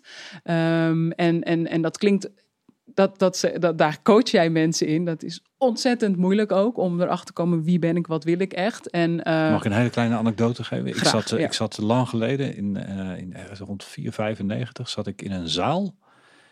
En toen kwam er een trainer op het podium. 2.500 mensen in de zaal. Zo. Hij, hij keek de zaal in en zei, Who are you? En die was in een kwartier stil. En in het begin denk je, WTF, wat gebeurt hier? Ja. Maar ik kwam er gewoon achter dat ik helemaal niet wist wie ik was. Ja, precies. Wie ben jij zonder dat je bij Nike um, marketeer bent? Uh, en ook dat kwam weer in de vorige aflevering van jullie ook voor. Van um, um, je vaak ontleen je je identiteit aan je werk. Ik werk bij Nike. Weet je wel? En uh, dat, dat is mijn, dat is niet ja, alleen... je bent je visitekaartje geworden. Ja, en, en je bent je werk uh, mm. voor heel veel mensen. Maar heel veel mensen zijn niet gelukkig in, in dat werk wat ze doen. Uh, of hebben het gevoel van, maar ik wil iets kunnen betekenen voor de wereld. Want dat is wat elk mens wilt. ja, een, een stukje legacy of gewoon een, ja, voelen dat je van toegevoegde waarde bent op de wereld. Er zijn absoluut ook mensen die gewoon heel blij worden van heel veel sales genereren. En dat is ook helemaal oké. Maar voor de mensen die het gevoel hebben dat ze um, ja, hun vaardigheden willen omdraaien, in, uh, omzetten in, in waarde, um, hebben we dit programma ontwikkeld. Um, het begint dus bij Discover Who You Really Are, Turn Your Skills into Value. Um, en als laatste stap eigenlijk Learn to Work with Anyone, Anywhere. we leven in een nou, hopelijk steeds meer inclusievere uh, maatschappij. Uh, we zijn wereldburgers geworden. Dus ja, I have to learn to work with anyone, anywhere. En dat programma dat start hier in Nederland. Um, en uiteindelijk uh, reis je af naar de favela in Rio, waar je niet naartoe gaat om de mensen te helpen, maar om van ze te leren. Want die mensen daar. Um, ik vind altijd dat die mensen heel sterk zijn en, en heel creatief met plekken op een plek waar weinig is, ze toch nog uh, het beste voor, uh, voor, zichzelf proberen te creëren. Heel veel veerkracht hebben. Wat kun jij daar nu van leren? En, en als ik jou weghaal uit die hele mooie werkplek, uh, ergens bij de E.ON of wherever je werkt, wat gebeurt er als jij in die favela staat op je slippers? Shock. Ja, en, en, en, en hoe ga jij daar uh, overleven? Of hoe, wat, wat, wat, hoe, hoe kun jij daar iets van de grond af uh, mm-hmm. opbouwen? En, um, en, en dat, is, dat programma, dat, uh, dat zijn we nu aan het ontwikkelen. En de eerste groep mensen gaat in 2021 um, op pad. En ja, dat, dat is voor ons een, een manier om... Um, ja, om alle kennis en ervaring te kunnen delen met, uh, ja, met, met, met mensen, uh, met volwassen mensen. Uh, maar ook om um, uiteindelijk gewoon als sociale ondernemer um, daar geld voor je projecten voor te verdienen. Ja, dat is een B Corp, hè? Ja, ja. Ik, ik wil niet afhankelijk zijn, dat ben ik eigenlijk tot nu toe nog niet geweest, van mm-hmm. subsidies mm-hmm. of het handje ophouden. Ik wil mijn eigen businessmodel kunnen creëren, mm-hmm. zodat ik ook autonomie hou over dat wat ik doe en dus kan meten op de manier waar ik dat, waarop ik dat wil. En waarop ik denk dat dat ook het beste is voor je deelnemer. En niet omdat de subsidieverantwoording dat op die manier van je vraagt. Ja, en ook al zit daar vaak de beste intentie achter. Zeker. De mensen ja. die, het, die het runnen en eventueel administreren of de, de, de beslissingen maken, wel of geen subsidie en ja. wel of niet maar dat is ook nodig. controle, is, is absoluut Ja. nodig. Alleen kun je denk ik, en ik denk niet dat ik mensen dan op, op hun tenen trap, je kunt wel zeggen dat ze er meestal wel verder van afstaan. Ja, Ik ben net een paar weken geleden terug eh, uit, uit Nepal, waar ik bij een aantal projecten ben geweest van Simavi, samen met het bedrijf Dopper. Hm. En eh, samen doen ze daar ongelooflijk goede dingen. Maar op het moment dat je daar dus rondloopt, en we liepen daar rond met, eh, met mensen van Dopper en Simavi, dan zie je dus dat mensen geen schoon water hebben. Ja, En dat er dan één put is waar wel schoon water uitkomt en dat is dan neergezet. Dat is zo fantastisch. ja, Maar dan ga je zelf nadenken over, oké, ik draai de kraan open en ik heb water. ja. Ja, en, en dat En- is, ja, sorry. Nee, nee, ga, ga door, ga door. En dat is? Ehm, en, en dat is ook wat je, ehm, waarvan ik denk dat dat mijn kracht is. Ik, eh, ik sta nog echt even plat gezegd met mijn poten in de modder. Eh, Nou, jij de- onderpakt mij, dan ga ik jou onderbreken. Ja, Het is 1-1. dat mag. Nou, je, je- vanuit je achtergrond mag dat. Dus, nee, eh, nee, nee, nee, nee, even. Maar, maar wat ik wil zeggen is, dat nooit meer loslaten. Wat je net eh, ging zeggen. Je bedoelt de, de, de directe connectie. Ja. ja. Ja. Ja. En, en ook, ik zeg het met de beste bedoelingen, maar de meeste adviseurs, coaches en trainers, eh, en ook sprekers, die zijn zo ver weg van waar ze over spreken. ja. En ik durf nu te zeggen dat er twee aan, aan deze tafel zitten, jij en ik, die met de poot in de modder staan. Ja. Ja. Ja, ja, en, en dat, dat zeg je inderdaad heel goed, want dat is. Je moet het eh, voelen. Je, Je, je, moet het doen. Je kunt Ja. niet alleen maar mooie spreekbeurten geven. Je moet het voelen. En- ja, en, en, en daarom vind ik dat ik een mooi leven voor mezelf heb weten te eh, creëren, of heb gecreëerd, is dat ehm, je enerzijds Favela Street mag doen, maar doordat je spreker bent, eh, je alles wat je hier meemaakt in Favela Street een podium eh, kunt geven in het spreken. En het spreken, vind ik, gaat niet om mij. Om, eh, kijk eens wat voor ontzettende wereldverbeteraar ik ben. Want dat, ik vind, daar word ik ook allergisch van als mensen dat over me zeggen. Ehm, ik, ik, ik wil juist ook dat, eh, dat wat je allemaal daar leert. En de mensen, alle ontzettend mooie mensen die ik mag ontmoeten. eh, want de laatste trip die ik heb gemaakt was naar Soudaan. Ehm, en eh, dat is er eentje waar ik heel trots op ben. op uitnodiging van de ambassadeur daar, Karin Boven. Ik wil haar expliciet noemen, omdat ja, een hele speciale vrouw is. Thumbs up. Ja, de, heel veel doet voor de, voor de vrouwen daar, ook lokaal. En het is Mhm. altijd een beetje vaag. Wat doen nou al die Nederlandse ambassades op al die plekken in de wereld? En dan mag je in één keer, krijg je een, een, een, inkijkje in de wereld van diplomatie, zeg maar. Hè, van de diplomaten. En ik vond dat geweldig. En ehm, ik ben gewend om letterlijk... ehm, daar is waar Verder is begonnen, hè? met je bal onder je arm, op een motor, achter op een motor in Haiti, door Port-au-Prince te crossen, ergens aan te komen en te starten. En nu word je in één keer uitgenodigd door de ambassadeur eh, om naar Soudaan te komen. Je wordt opgehaald, eh, je zit eh, in een, in de, in- op een mooie plek, alles is goed geregeld. Ehm, en dan mag je daar, mocht ik een week lang workshops geven aan die vrouwen in Soudaan. Wauw. maar ik zei wel tegen hun: oké, een week lang workshops geven vind ik heel leuk. Maar ik wil dat we dit doen met de intentie om hier een volwaardig tweejarig programma te gaan doen met Favela Street. Anders ga ik het niet doen. Met de intentie. Ik kan me Wat goed, hè? ja, nee, maar ik, kan me voorstellen dat je kan niet van tevoren zeggen: Oké, gaan we het doen. Ik zeg maar, met die intentie wil ik dat gaan doen. En als jullie zien ter plekke, ik wil dat je komt. Jullie, en dat, dat deed eh, Karin, die zat gewoon naast het veld. Ehm, en zij zag de impact van gewoon dat met elkaar samen zijn met die vrouwen. Want als je in die geschiedenis duikt van dat land en ook naar de recente eh, gebeurtenissen kijkt in dat land, ehm, dan kun je eigenlijk niet voorstellen hoe het is om als vrouw in zo'n maatschappij ja, een vrouw te zijn. Gewoon te zijn. En, eh, en dan kom je daar. ehm, voordat ik daar naartoe ging, mijn moeder Truus zegt. Waarom ga, waar ga je nou weer naartoe? Weet je? Ga toch eens gewoon Ga- naar België of Oostende. Ga, ga naar de Tessel. Ga naar, ja, ga naar Parijs of Londen. Leuk dat je daar ook werkt, maar niet naar Soudaan. Want eh, ja, en eh, dan sprak ik andere mensen over. Ja, maar daar is toch altijd oorlog? Mhm. Zei, Ja, dat klopt. Er is altijd eh, heel veel oorlog geweest. Ehm, en ook daar begint de projectie en alle vooroordelen. Ga je naar Soudaan toe of denk je, zoek het lekker uit daar. Ik ga dat niet doen. Eh, Mhm. Maar mijn nieuwsgierigheid is inmiddels zo groot dat ik alleen maar denk, nou, ik wil wel eens even zien hoe het daar is. Wanneer, kom, wanneer ga je nou een keer naar Soudaan toe? En nu ook nog op uitnodiging. Nou, ik ga naar Khartoum. En, en de manier waarop dat was on- is ontstaan is, vind ik ook een heel leuk verhaal. Maar ehm, dat eh, even terzijde. Ehm, Eh, Horen, vertellen. Ja, toch wel? Oké, nee, ja, dus ik, ik werd uitgenodigd om een praatje te houden in het Pulitzer Hotel in Amsterdam voor het ministerie van Buitenlandse Zaken. Dat was een, een sessie met alle vrouwelijke ambassadeurs van over de hele wereld, eh, met 50 vrouwen uit de media. Dus het was ongeveer een publiek van 100 vrouwen. En ehm, er werd gevraagd of ik een lezing wilde geven, een presentatietje over sociaal ondernemerschap en sport. En ehm, maar er was geen uh, budget, want het was dan voor iedereen. Ja, dat vond ik raar. Ik denk, ja, we zitten in het Pulitzer Hotel. Het is uh, ook nog het ministerie. Kom op nou. Maar er werd ook uitgelegd, dit is gewoon... Dit, juist, we willen juist sprekers die het belangrijk vinden om voor die groep te spreken. dacht ik, ja, oké, die ken ik ook. Maar ik dacht, oké, ik vind het toch wel een hele interessante groep. Uh, en ik heb een nieuw verhaal. De Favela Business School, dat was toen al, dat is natuurlijk al een tijdje in de maak. Mm -hmm. Ik ga het gewoon uitproberen op die groep mensen kijk wel, joh, ik woon uh, op de Elandsgracht in de, om de hoek. Ik wandelde naartoe. We gaan het We gewoon doen doen. het politie wel even. Gaan het gewoon even doen. Ja. Dus ze gaan er staan. Ik word gekoppeld aan Karin Boven Beam.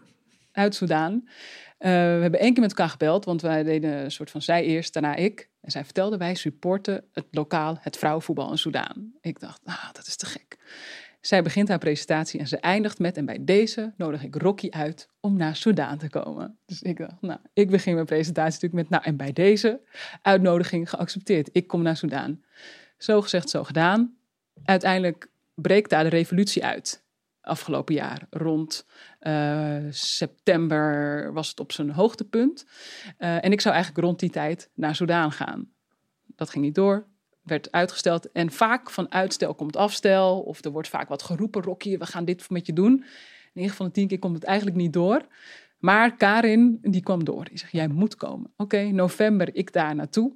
En um, nou, dat, dat was een hele mooie klik. Maar ook daarin weer, um, als je Soudaan googelt of je mindset... dan had ik van tevoren kunnen zeggen, ik ga niet. Maar ik ga daar naartoe. En ja, ik, ja, ik vond dat zo'n mooie plek met die mensen daar, die, die vrouwen, die met elkaar een hele belangrijke rol ook in de afgelopen revolutie hebben gespeeld. Mm -hmm. Ook nog als je nog verder in de geschiedenis gaat, uh, van de Nubian Queens in uh, Zwarte Farao's. Nou ja, ik ga, ik ga helemaal in een land ook, als ik ergens ga werken. Dan way. Ja, dan wil ik alles weten. Maar um, ja, ja, en daar hebben we een week lang goede sessies gehad. En, uh, en nu gaan we daar uh, een tweejarig programma doen um, in Soudaan. Wat gewoon voor het eerst ook gewoon fully financed is. En um, ja, waar, uh, waar we het meetinstrument vol in kunnen zetten. En dan voel je ook, wauw, weet je wel, al die jaren van keihard bikkelen met je bal onder de arm. grote risico's genomen, veel... It all comes together. All comes together in Soudaan. Connecting the dots. ja. En waar in ja. Soudaan. Ja, en Ja. dan leer je ook weer uh, zulke mooie verhalen kennen. En dat wil ik gewoon delen in, in de presentaties. En ik ben heel dankbaar voor het feit dat ik de, de podia hier in Nederland daarvoor uh, krijg. En inmiddels ook uh, buiten Nederland. Ja, want, want dit is wel een story of your life dat je gewoon af en toe wordt ontdekt of in één keer, ik noem dat het gouden handje krijgt. Want je was ook nog eens in de BBC eh, top 100 Ja, terecht. Vertel. ja ik, ik vind dat altijd van die dingen dat ik denk... en jij mag oh, het ja. zeggen omdat jij eh, weinig eh, tot geen ego hebt. Dat vind ik wel heel cool. Dus kom maar op. ja. Ik vraag er wel naar. Wat heb je nou weer gedaan? Of wat was dat? Ja, dat, ging over een lijst met de me- de 100 ehm, meest innovatieve vrouwen eh, ter wereld. En die eh, mensen die zijn blijkbaar over mij heen gestruikeld. Net zoals jullie dat ook hebben gedaan. Ehm, nou, wat ik wel heel kicken vind, is dat ik nu ehm, recentelijk in een lijstje ben opgenomen met onder andere Michelle Obama. eh, over, eh, ja, ja, ik weet- I don't know. Duh. Ja, oké. Ja? Maar het zijn lijstjes. En, eh, ik- Oké, dat zie je, maar leg Ja. uit wat voor lijstje is het? Ja, dat gaat over eh, vrouwen die impact hebben eh, op het gebied van gender equality. Mhm. Want ehm, ik heb het wel altijd over eh, vrouwen en mannen, meisjes en jongens. Maar ik heb wel absoluut een extra focus op vrouwen, de positie van de vrouw. Mhm. Maar daar heb je, heb je de mannen en de jongens heel hard voor nodig. Dus ik doe eigenlijk bijna nooit alleen maar vrouwenprojecten. Er zijn altijd jongens bij betrokken, omdat je daar juist ook mindset en houding tegenover vrouwen moet veranderen. Ik denk dat het beste samengaat. Ehm heb ik ook moeten leren. Ehm, En ehm, goed, dus dat... eh, was het proces. dat is een proces. Ja, en dan door het werk wat je doet, krijg je dat soort onderscheidingen, zoals de Joke Smit aanmoedigingsprijs eh, afgelopen jaren ook eh, gewonnen. Maar dat, dat, dat staat gewoon mooi op je cv. Ja. Maar daar doe je het niet Ja. voor. Ja. En Ja. dat, dat is ook het spreken. Dat is niet iets wat je kiest, Mhm. vind ik. Dat, dat over, Daar ben je niet op uit. Nee, dat komt Nee. zo omdat door de dingen die je doet. Ja, Maar wel mooi, want dan krijg je toch een stuk waardering, eh, ja, erkenning. In ieder geval ben je zichtbaar. ja. ja zeker. En, en dat zet ik ook in. En, dat, en, dat, en dat, eh, eh, ik merk dus ook dat, dat storytelling voor mij heel veel brengt. Het spreken. Mhm. En dus ik dat ook weer in de programma's met de jongeren eh, deel. Dat eh, heel simpel voorbeeldje. We doen eh, ook programma's in Nederland, in Amsterdam, op het ROC. En daar ehm, doen we dus die sessies met die jongeren. En er was een, een even heel simpel voorbeeldje, concreet voorbeeld. Een studenten die, eh, ehm, ik zeg wat, korte lange termijn is lastig, hè? dat lange termijn. Dan korte termijn, wat wil je bereiken? Ja, ik wil gewoon mijn opleiding afmaken en dan een baan in de zorg. Oh ja, ik doe een opleiding in de zorg. Ik zeg, Oké, cool. Ik ben een, eh, een werkgever. Ik heb een baan in de zorg hier voor jou. Waarom moet ik hem aan jou geven? Ja, omdat eh, ja, ik vind het heel belangrijk dat mensen goede zorg krijgen. En ehm, ja, da- daar worden mensen beter van. En ik wil goede zorg geven aan mensen. Ik zei, oh ja, ja. Ja, dat vind ik ook. Dat vindt Pietje Puk ook. En dat vindt de rest van je klas ook. Maar waarom vind jij dat dan zo Maar belangrijk? wie heeft jou dit geleerd? Want dit heb je nou drie of vier keer. Die, die manier van vragen stellen. Ja, Heb, heb je, je hebt het misschien niet eens door. Maar dat, dat is een bepaalde manier van vragen stellen. En, en een, een vraag gesteld is dat mensen over zichzelf nadenken. Maar ook gemotiveerd gaan raken daardoor. Waar heb je dit geleerd? Ja, jeetje. Ik denk, ehm, ik heb een hele hoop, toch wel echt een hoop gehad aan het werk bij Youngworks. Omdat ik die boeken, ik, ik gaf lezingen over hoe dat puberbrein werkt, hoe Mhm. motivatie werkt en hoe talentontwikkeling werkt. Dus daar zitten ook ja, oefeningen in, doorvragen. Maar ik denk dat het ook vragen zijn die ik mezelf eh, stel. Ehm, En ehm, ja, waar, eh, ik wilde op een gegeven moment ook weten waarom heb ik dan een inspirerend verhaal? Mhm. Oké, en dan ga ik mezelf daarin. eh, Zelfreflectie ook. ja, dat, je moet jezelf wel eh, een spiegel voor kunnen houden. Dus ook niet Mhm. altijd, eh, altijd makkelijk. Maar ehm, om terug te komen naar het verhaal, dat dat meisje die wist daar niet goed antwoord op te geven. En die vond mij ook vervelend worden. Ja, wat nou, waarom? Weet je wel? Ik weet niet. En ik zeg maar, vertel gewoon eens. Waar, waar is dat ontstaan, die zorg? En waar, hoe, hoezo voel je dat zo? Nou ja, goed. Ik heb twee zusjes die geadopteerd zijn. Oké, wacht even. Vertel eens over je zusjes. Nou, eh, zij kwam zelf uit Curaçao. Ze waren een keer in Sint Maarten. Daar heeft ze haar twee adoptiezusjes ontmoet. En ehm, zij zei, die waren heel erg verwaarloosd. Wij hebben hun opgenomen in ons gezin. Ze zijn teruggekomen naar Nederland. En ik heb gezien van dichtbij wat de zorg en liefde voor die, voor die meisjes heeft gedaan. Ik zeg, en dit vertel je bij mij in die sollicitatie en dan krijg jij die baan. Ehm, en, en toen snapte zij, oh, ik heb een, ook een uniek verhaal en ik heb een hele Mhm. sterke drive en ik kan je nu uitleggen waarom ik die baan in de zorg wil. Want persoonlijk stukje, kwetsbaarheid delen en, en dat is een sollicitatietraining. Dus je, het kan ook eh, heel nuttig zijn, storytelling, op dat vlak. Als jij beter weet uit te leggen waarom jij dat wilt, dan krijg jij die baan. Ehm, dus dat, ja, dat nemen we allemaal mee in de programma's die we met jongeren doen. Helder. Maar nou een heel andere vraag. Hè? Eigenlijk zou het heel mooi zijn als jij en ik niet nodig zouden zijn. Ja. Wat gebeurt er in deze wereld? Wat gaat er eigenlijk mis? Hoe zie jij dat? Vanuit jouw perspectief met wat je meemaakt. Ja, ik denk dat dat... Of gaat het eh, allemaal goed? Nee, het gaat absoluut niet goed. Ik denk dat het zelfs op heel Hoe veel... kan dat nou? Het is eh, 2020. Het zou toch elk jaar beter gaan? Ja, ik denk dat juist ook door, hè, dit is echt nu eventjes on top of mind. Hè. We hebben het over een wereld die steeds groter wordt. ehm, eh, het- waarbij heel veel mensen ook nog heel erg op zoek zijn naar, ehm, naar dat kleine. Naar vroeger was alles beter eh, in Nederland. Gewoon compact, klein, overzichtelijk. Nu in één keer komt de hele wereld bij me binnen. Eh, want ehm, ja, eh, de rest van de wereld staat in de brand.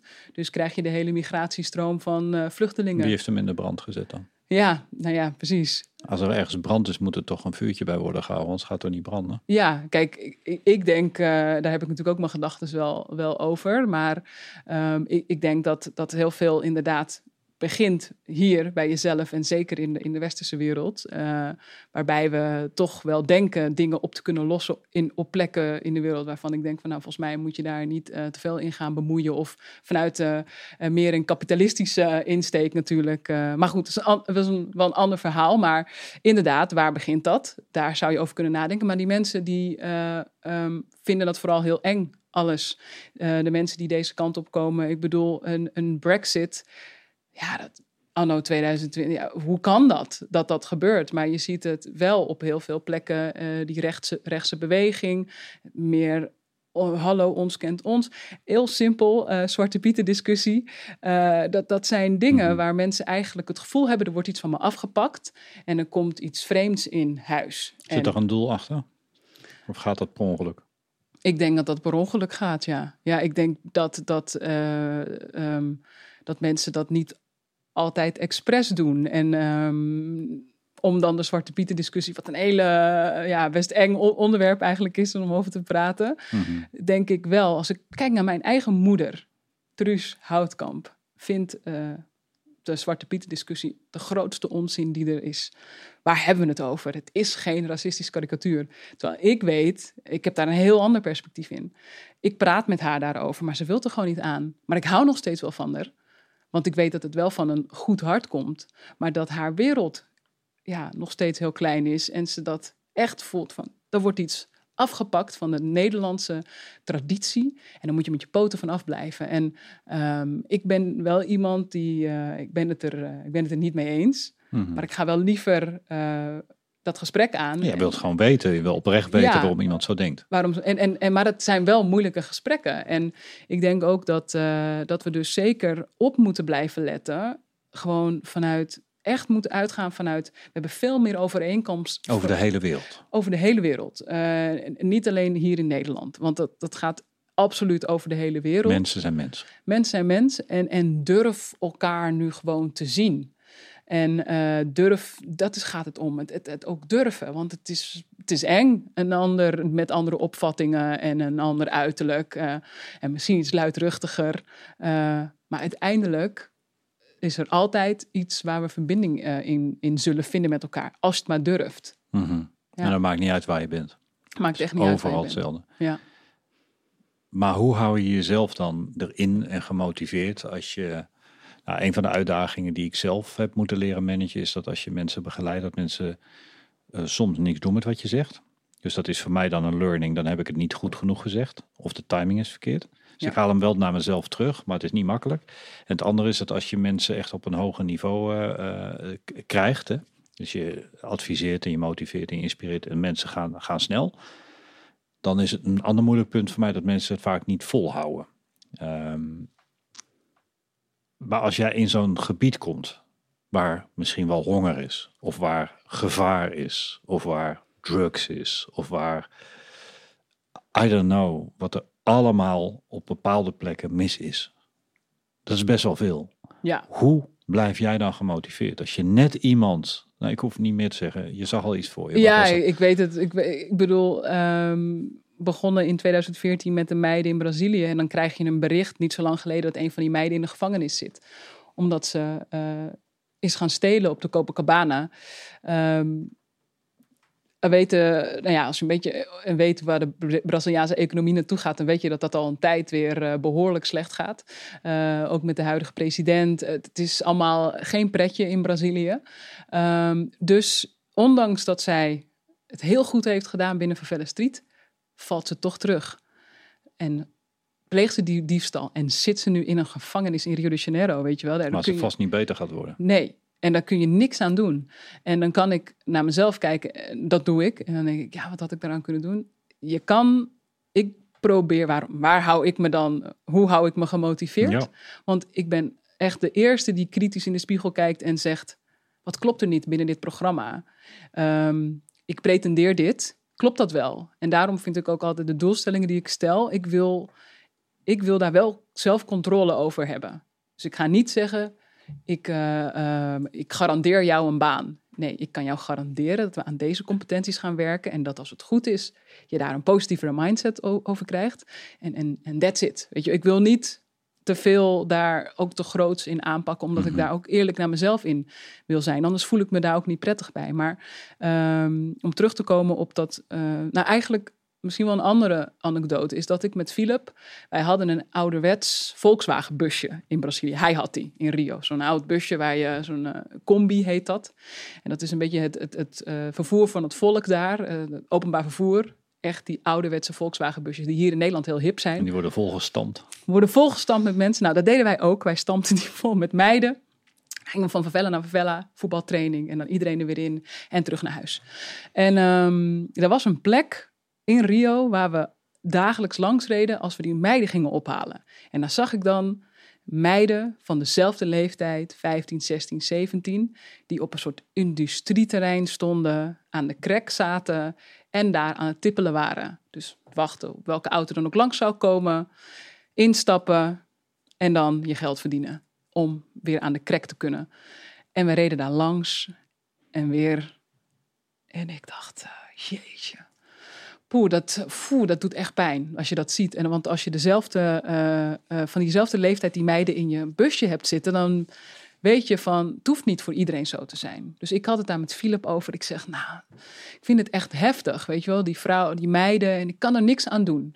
En hij zegt, en dat is iets wat ik, uh, wat ik altijd bij me zou uh, houden, is je moet je focussen op de verandering die je wel uh, teweeg kunt brengen. Dus we hebben hier ongeveer twintig meiden in een busje gepropt. Daar moet je je op focussen. Kijk nou niet naar dat. Het is heel triest. Uh, want ja, nou, dat is een hele belangrijke boodschap. Kijk naar dat wat je wel, uh, ja, wat je wel in handen hebt, zeg maar. En um, dat is iets wat, wat heel belangrijk is in het werk wat ik doe. Want ja, ik kom in Soudaan en in Haiti. Dan nog... verander jij niet even de... Ik ga niet de wereld veranderen. Dat bedoel ik. Ik ga ook niet, uh, maar ik kan hopelijk wel de wereld voor dat ene meisje of voor die ene jongen uh, veranderen. Nou, dat, dat vind ik echt een hele mooie link ook naar, uh, naar, naar, naar ook iedereen die luistert en kijkt. En ook voor naar, naar mezelf je kunt, je kunt wel die in, de intentie hebben om die wereld te veranderen. Maar eigenlijk als je, als je heel realistisch bent, dan de positie waar jij en ik in zitten, dat kan niet. Gaat er niet worden. nee, maar wat je wel kunt doen, is je kunt wel, daar waar je invloed op hebt, ja. de, de welbefaamde cirkel van invloed, kun je vergroten. En je kunt wel mensen in je omgeving helpen. Of jij kunt naar omgevingen gaan waar je mensen kunt helpen. Ja. Maar nou een moeilijke vraag, waar ik zelf het antwoord ook niet, eigenlijk niet op heb. Want hij komt net op. Wat vind je dan van mensen die niks doen voor de samenleving? Ja.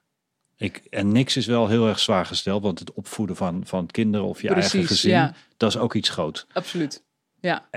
Maar er zijn mensen die, dat, die, die Ook- gewoon eigenlijk helemaal niks doen. Ja, ja ik, ik denk dat, eh, dat dat vooral een, ehm, ehm, een verlies voor jezelf is. Dus ik denk dat eh, ik heb er niet echt een oordeel over. Dus als eh, iemand tegen mij zou zeggen van ja, wat jij doet vind ik helemaal niks. Ik, doe ik doe liever niks, zeg maar. Of ik ga me niet inzetten voor een ander.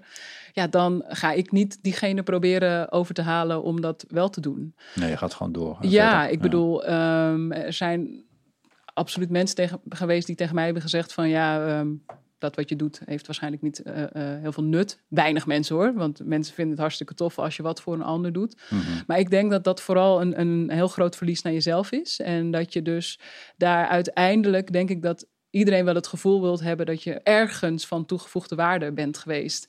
En, en daarom vind ik het ook mooi wat je net zegt over het gezinsleven. Ik heb vriendinnen die hebben kinderen en ehm, ik heb geen kinderen. Ik heb ook geen behoefte eh, om kinderen te hebben. Eh, maar je hoeft niet zoals ik de wereld rond te trekken om daar dus allemaal mooie projecten te doen en mensen te raken. Je kunt het ook heel inderdaad in het klein bij je oma doen of bij je kinderen. Eh, maar wel de mindset te hebben dat één, vind ik, delen met elkaar, dat wat je hebt. Eh, en ehm, oog hebben voor, voor een ander. En, ehm, en, en, en mensen het gevoel geven, of in ieder geval dat, dat ze er ook mogen zijn. Mhm. En daar gaat het weer over die projectie. Wat projecteer jij op jouw directe omgeving? Daar kun je al iets teruggeven aan een ander. Mhm. En wat doe je met mensen die heel veel ego hebben in je omgeving? Want ik kan me voorstellen dat jij die ook tegenkomt. Ja, nou, ik heb Ik zelf, probeer ze te ontwijken. ja, Ja, ik ja, heb zelf maar- ook een ego. Ja, we hebben allemaal een ego, maar ik, ik vind hem wel prettig eigenlijk. Ja, Je weet wat ik bedoel. Ja. Wat, wat doe je met onplezierige ego's? Want soms heb, heb je die nodig ja. Vind ik ook om lastig. met elkaar iets neer te zetten. Ja, het is super lastig. Ja. Maar als jij, jij doet grote dingen, althans dat vind ik, ik vind dat je grote dingen doet. Daar zul je ook wel mensen in tegenkomen. Dat is gewoon statistisch eh, vast aan te tonen. Die gewoon heel veel ego hebben. En die eigenlijk niet staan voor waar jij voor staat. Ja. Maar, maar die, je- die je wel nodig hebt om samen iets groots neer te zetten. Hoe ga je daarmee om? En Ja, dan zoek ik niet naar naam en toenaam. nee, nee. Maar meer Nee. dat, dat ik er zelf van kan leren. Maar misschien ook de mensen die kijken. Dat je denkt van ja, hoe ga je nou eigenlijk met dat soort mensen om? Want jij hebt gewoon een doel, een droom. En dat ga En je gewoon die, bereiken. ik moet met diegene En je, ja, samenwerken. dank je, dat probeer ik te zeggen. Ja. Dat is veel korter. Je moet samenwerken. Ja. Hoe doe je dat dan? Ja, ja ik, ik denk dat het eerste wat bij mij eh, opkomt, is dat ehm, ik ehm, toch wil weten waar dat ego vandaan komt. Dus als ik mm, beter begrijp waarom hij of ja, zij. je gaat de magics op iemand eh, loslaten. Dus je Ik gaat. ga gewoon kijken van Ja, eh, ja, waar ja. komt dat dan vandaan. En dan ehm, kan ik dat misschien één eerst voor mezelf, hè, want ik wil eerst be- beter begrijpen waarom je zo bent en waarom je zo doet.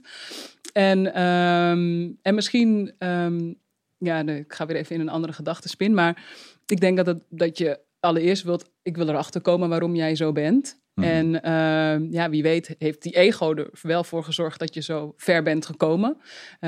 Ik heb ook een ego, maar ik heb niet echt een ego waarbij ik heel erg van het ellebogenwerk ben. Helemaal niet Je zelfs. staat voor waar je voor wil staan. Ja, en het Mhm. heel erg samen. En ik vind dat eh, Mhm. soms ook lastig om eh, wat mo- moeilijkere beslissingen te nemen of een confrontatie aan te gaan. Mhm. Ehm, en wat kan ik dan van jou leren, waardoor eh, we samen verder kunnen, zeg maar. Maar dan hoop ik dat je wel ook open staat om, om van mij te leren. Maar ik denk dat als ik al ehm, eh, de stap van toenadering zet, dan denk ik dat uiteindelijk die persoon ook wel volgt. Ehm, maar ik ben vooral benieuwd waar het ego vandaan komt. En Ja. link dat nou aan zelfreflectie. Hebben die mensen te weinig zelfreflectie? Mm, ja, ik, ik ehm, heel veel vaak mensen met een ego hebben dat niet eens door, toch? Dat ze dat. eh, Nou, ja, ik stel je de vraag omdat ik een soort schrikbeeld in mijn hoofd heb, wat er echt is gebeurd. Ik, ik werkte bij een eh, bedrijf, Ballas Nedam, was een heel groot eh, bouwbedrijf. Daar heb ik een aantal jaren gewerkt in dienst. Hele mooie tijd gehad. En omdat ik ehm, misschien al de boeken las die ik nu lees en met het vakgebied bezig was, ging mijn ontwikkeling snel, carrière ging snel. Dus ik kwam heel snel in de buurt van directie en raad van bestuur, waarmee ik samenwerkte. ja, En ehm, dan kom je ook in een, in, een, in een circuit dat je af en toe voor een borrel wordt uitgenodigd. Ja. Eh, dus ik heb borrels meegemaakt waar, waar heel veel mensen waren, waar een heel gezellige sfeer was. Maar ik heb ook wel eens meegemaakt dat iemand heel erg van de toren blies. Waar ik ook al bij, bijna bang van was soms. En die ging dan weg, die nam afscheid. Die had een borrel met heel veel tamtam met zo'n borrel aangemeld. Een grote ruimte, ja, de hapjes, drankjes, alles. En dan stonden dan drie mensen in die zaal. ja. En dat is voor mij een soort analogie of een soort voorbeeld van wat ik denk, uiteindelijk ja, ehm, wordt het wel geregeld, hoe dan ook, eh I don't know, het universum of wie dan ook. Maar als echt iemand zwaar irritant is of, of eh, die misschien niet fijn tegen jou is, dan kun je ervan uitgaan dat ze dat ook tegen anderen doen. En, Ja. en uiteindelijk eh, gaat dat wel een keer. eh, Ja. Je hebt nu bij Ellen, Ellen eh, DeGeneres. ja, Die is zeg maar afgelopen één of twee weken geleden ontmaskerd. Die, is, die doet het goed op tv. Mhm. Maar die heeft echt geen positief woord gekregen van haar medewerkers. Die zeggen dat dat het ergste mens van de hele wereld is. Heftig. Dat wist Ja. ik helemaal niet. Oh, Nee, ja. nee dat is, nou, ik, ik ging ook van mijn stokje af. Ik denk, ja, ja, je moet maar eens is echt ongelooflijk. Ik ga het wel even Mensen checken. mogen haar niet in de ogen aankijken. Dat, soort, dat soort eh, Oh, wauw. sterren. eh, Ja. eh. ja, nee, ik, kijk, weet je dat. maar wat dan zelfreflectie. Hè? Dus Ja, dat die. Ja, die hebben misschien helemaal niet door dat het feestje leeg gaat worden. nee, ik denk ook dat ze daar misschien ook wel echt even heel plat gezegd gewoon scheid aan hebben. Ah, Want ja, het draait allemaal om hunzelf. Ja, Ja, eh, Maar ik denk ook dat ehm, dat gedrag moet toch vanuit een soort van pijn komen. Je kan toch niet zo zijn als, ja, ik kan me daar niks bij voorstellen. Dat je dus ehm, zo naar en hard naar mensen eh, toe bent. En eh, soms zeggen mensen ook wel eens dat je dat nodig hebt, toch? Om aan de top te komen moet je wel, eh, ja, moet je wel een bitch kunnen zijn, zeg maar. Nou, ik, ik mag met allerlei verschillende mensen werken. Ook topleiders van Nederland. Ja, Valt wel mee. ja. Nou, Ik fijn. zeg, ik zeg heel vaak, Ja. hoe, hoger ze zijn, hoe kleiner de kans dat het echte klootzakken zijn. Ja, Er zitten er wel bij, hè, want eh, als je de statistieken erop naslaat, dan is eh, meer dan 50% eh, of narcistisch of licht autistisch. ja, Ehm, dat is oké. Ja. Ehm, maar dat is, daar kan ik niet mee werken. Dat, dat voelt niet goed. Nee. Maar echt een paar leiders waar ik mee mag werken, dat zijn hele toffe lui. Ja. Maar ja, als jij een beslissing moet maken voor een bedrijf van 10.000 mensen of, eh, of, of 200.000 mensen, ja. Ja. dan kun je niet altijd de populaire beslissingen. Nee, nee. Nee, maar om nog... ehm, eh, jij zei net van, dan moet je dus samenwerken met zo iemand. Maar ehm, ik zou er dan al, zou dat moeten, omdat die persoon misschien een zak met geld heeft, waardoor ik het project kan doen wat ik al zo graag zou willen doen. Mhm. Ja, dan kies ik ervoor om het niet te doen.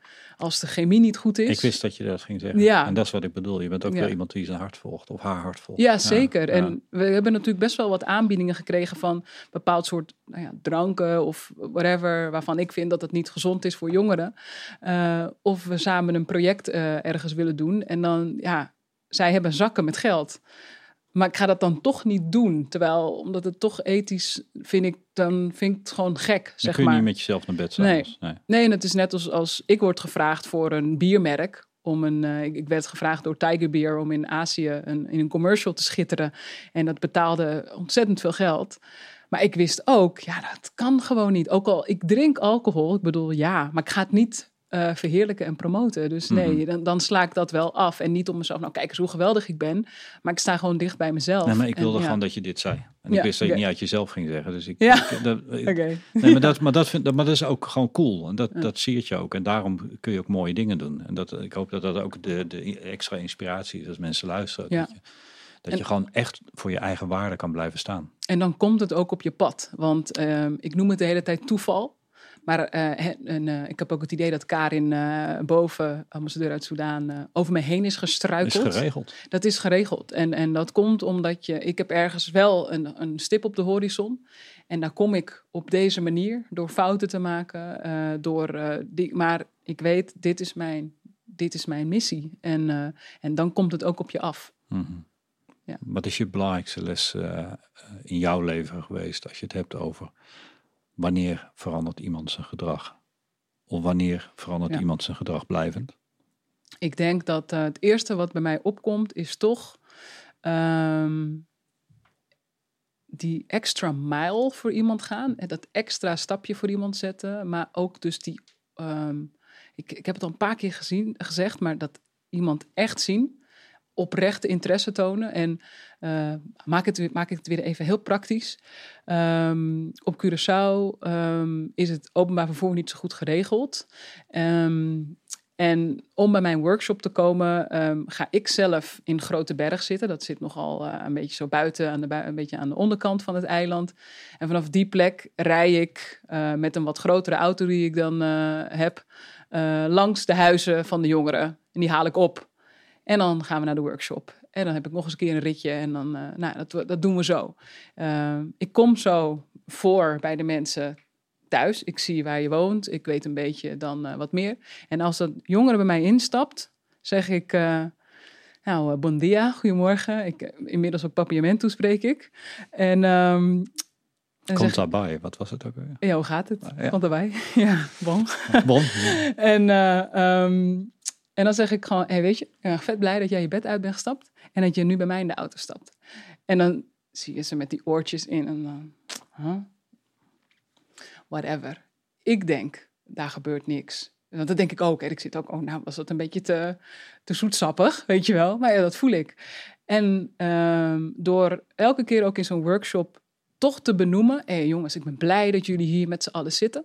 Ik, ik zeg ook gewoon oprecht wat ik, wat ik voel en denk. Want toen ik begon met het project, dacht ik: als ik vier tot vijf jongeren bij mijn eerste workshop heb, dan ben ik blij. Ik had in mijn eerste workshop 28 jongeren zitten. Die allemaal op zaterdagochtend op zijn gestaan en naar me toe zijn gekomen. Of ik heb ze opgehaald. Maar dat is wel de extra mile die je dus in mensen moet stoppen. En eh, interesse. Ik weet na dag één iedereen's naam. En eh, al is het dat ik een smoelenboek voor mezelf maak, maar ehm, ik wil je zien en eh, ik wil weten wie je bent. Mhm. En dan ga je voor, uiteindelijk voor, eerst voor mij lopen, maar dan voor jezelf. ja. Wat zou je willen zeggen tegen jou of die doelgroep? ja, dat je altijd meer kan dan je denkt. Ja, dat vind ik een hele belangrijke. Dat eh, door het klei wat zij in de van de maatschappij in hun oor hebben gekregen, jij kan dit niet of jij mag er niet zijn, wil ik zeggen, jij kan het wel. Eh Pipi Langkous, je hebt het nog nooit gedaan. Maar je kan het wel. En je kan veel meer dan je denkt. Wees verwachtingsvol naar jezelf en naar een ander. Wauw. Thanks. Ja. Graag gedaan.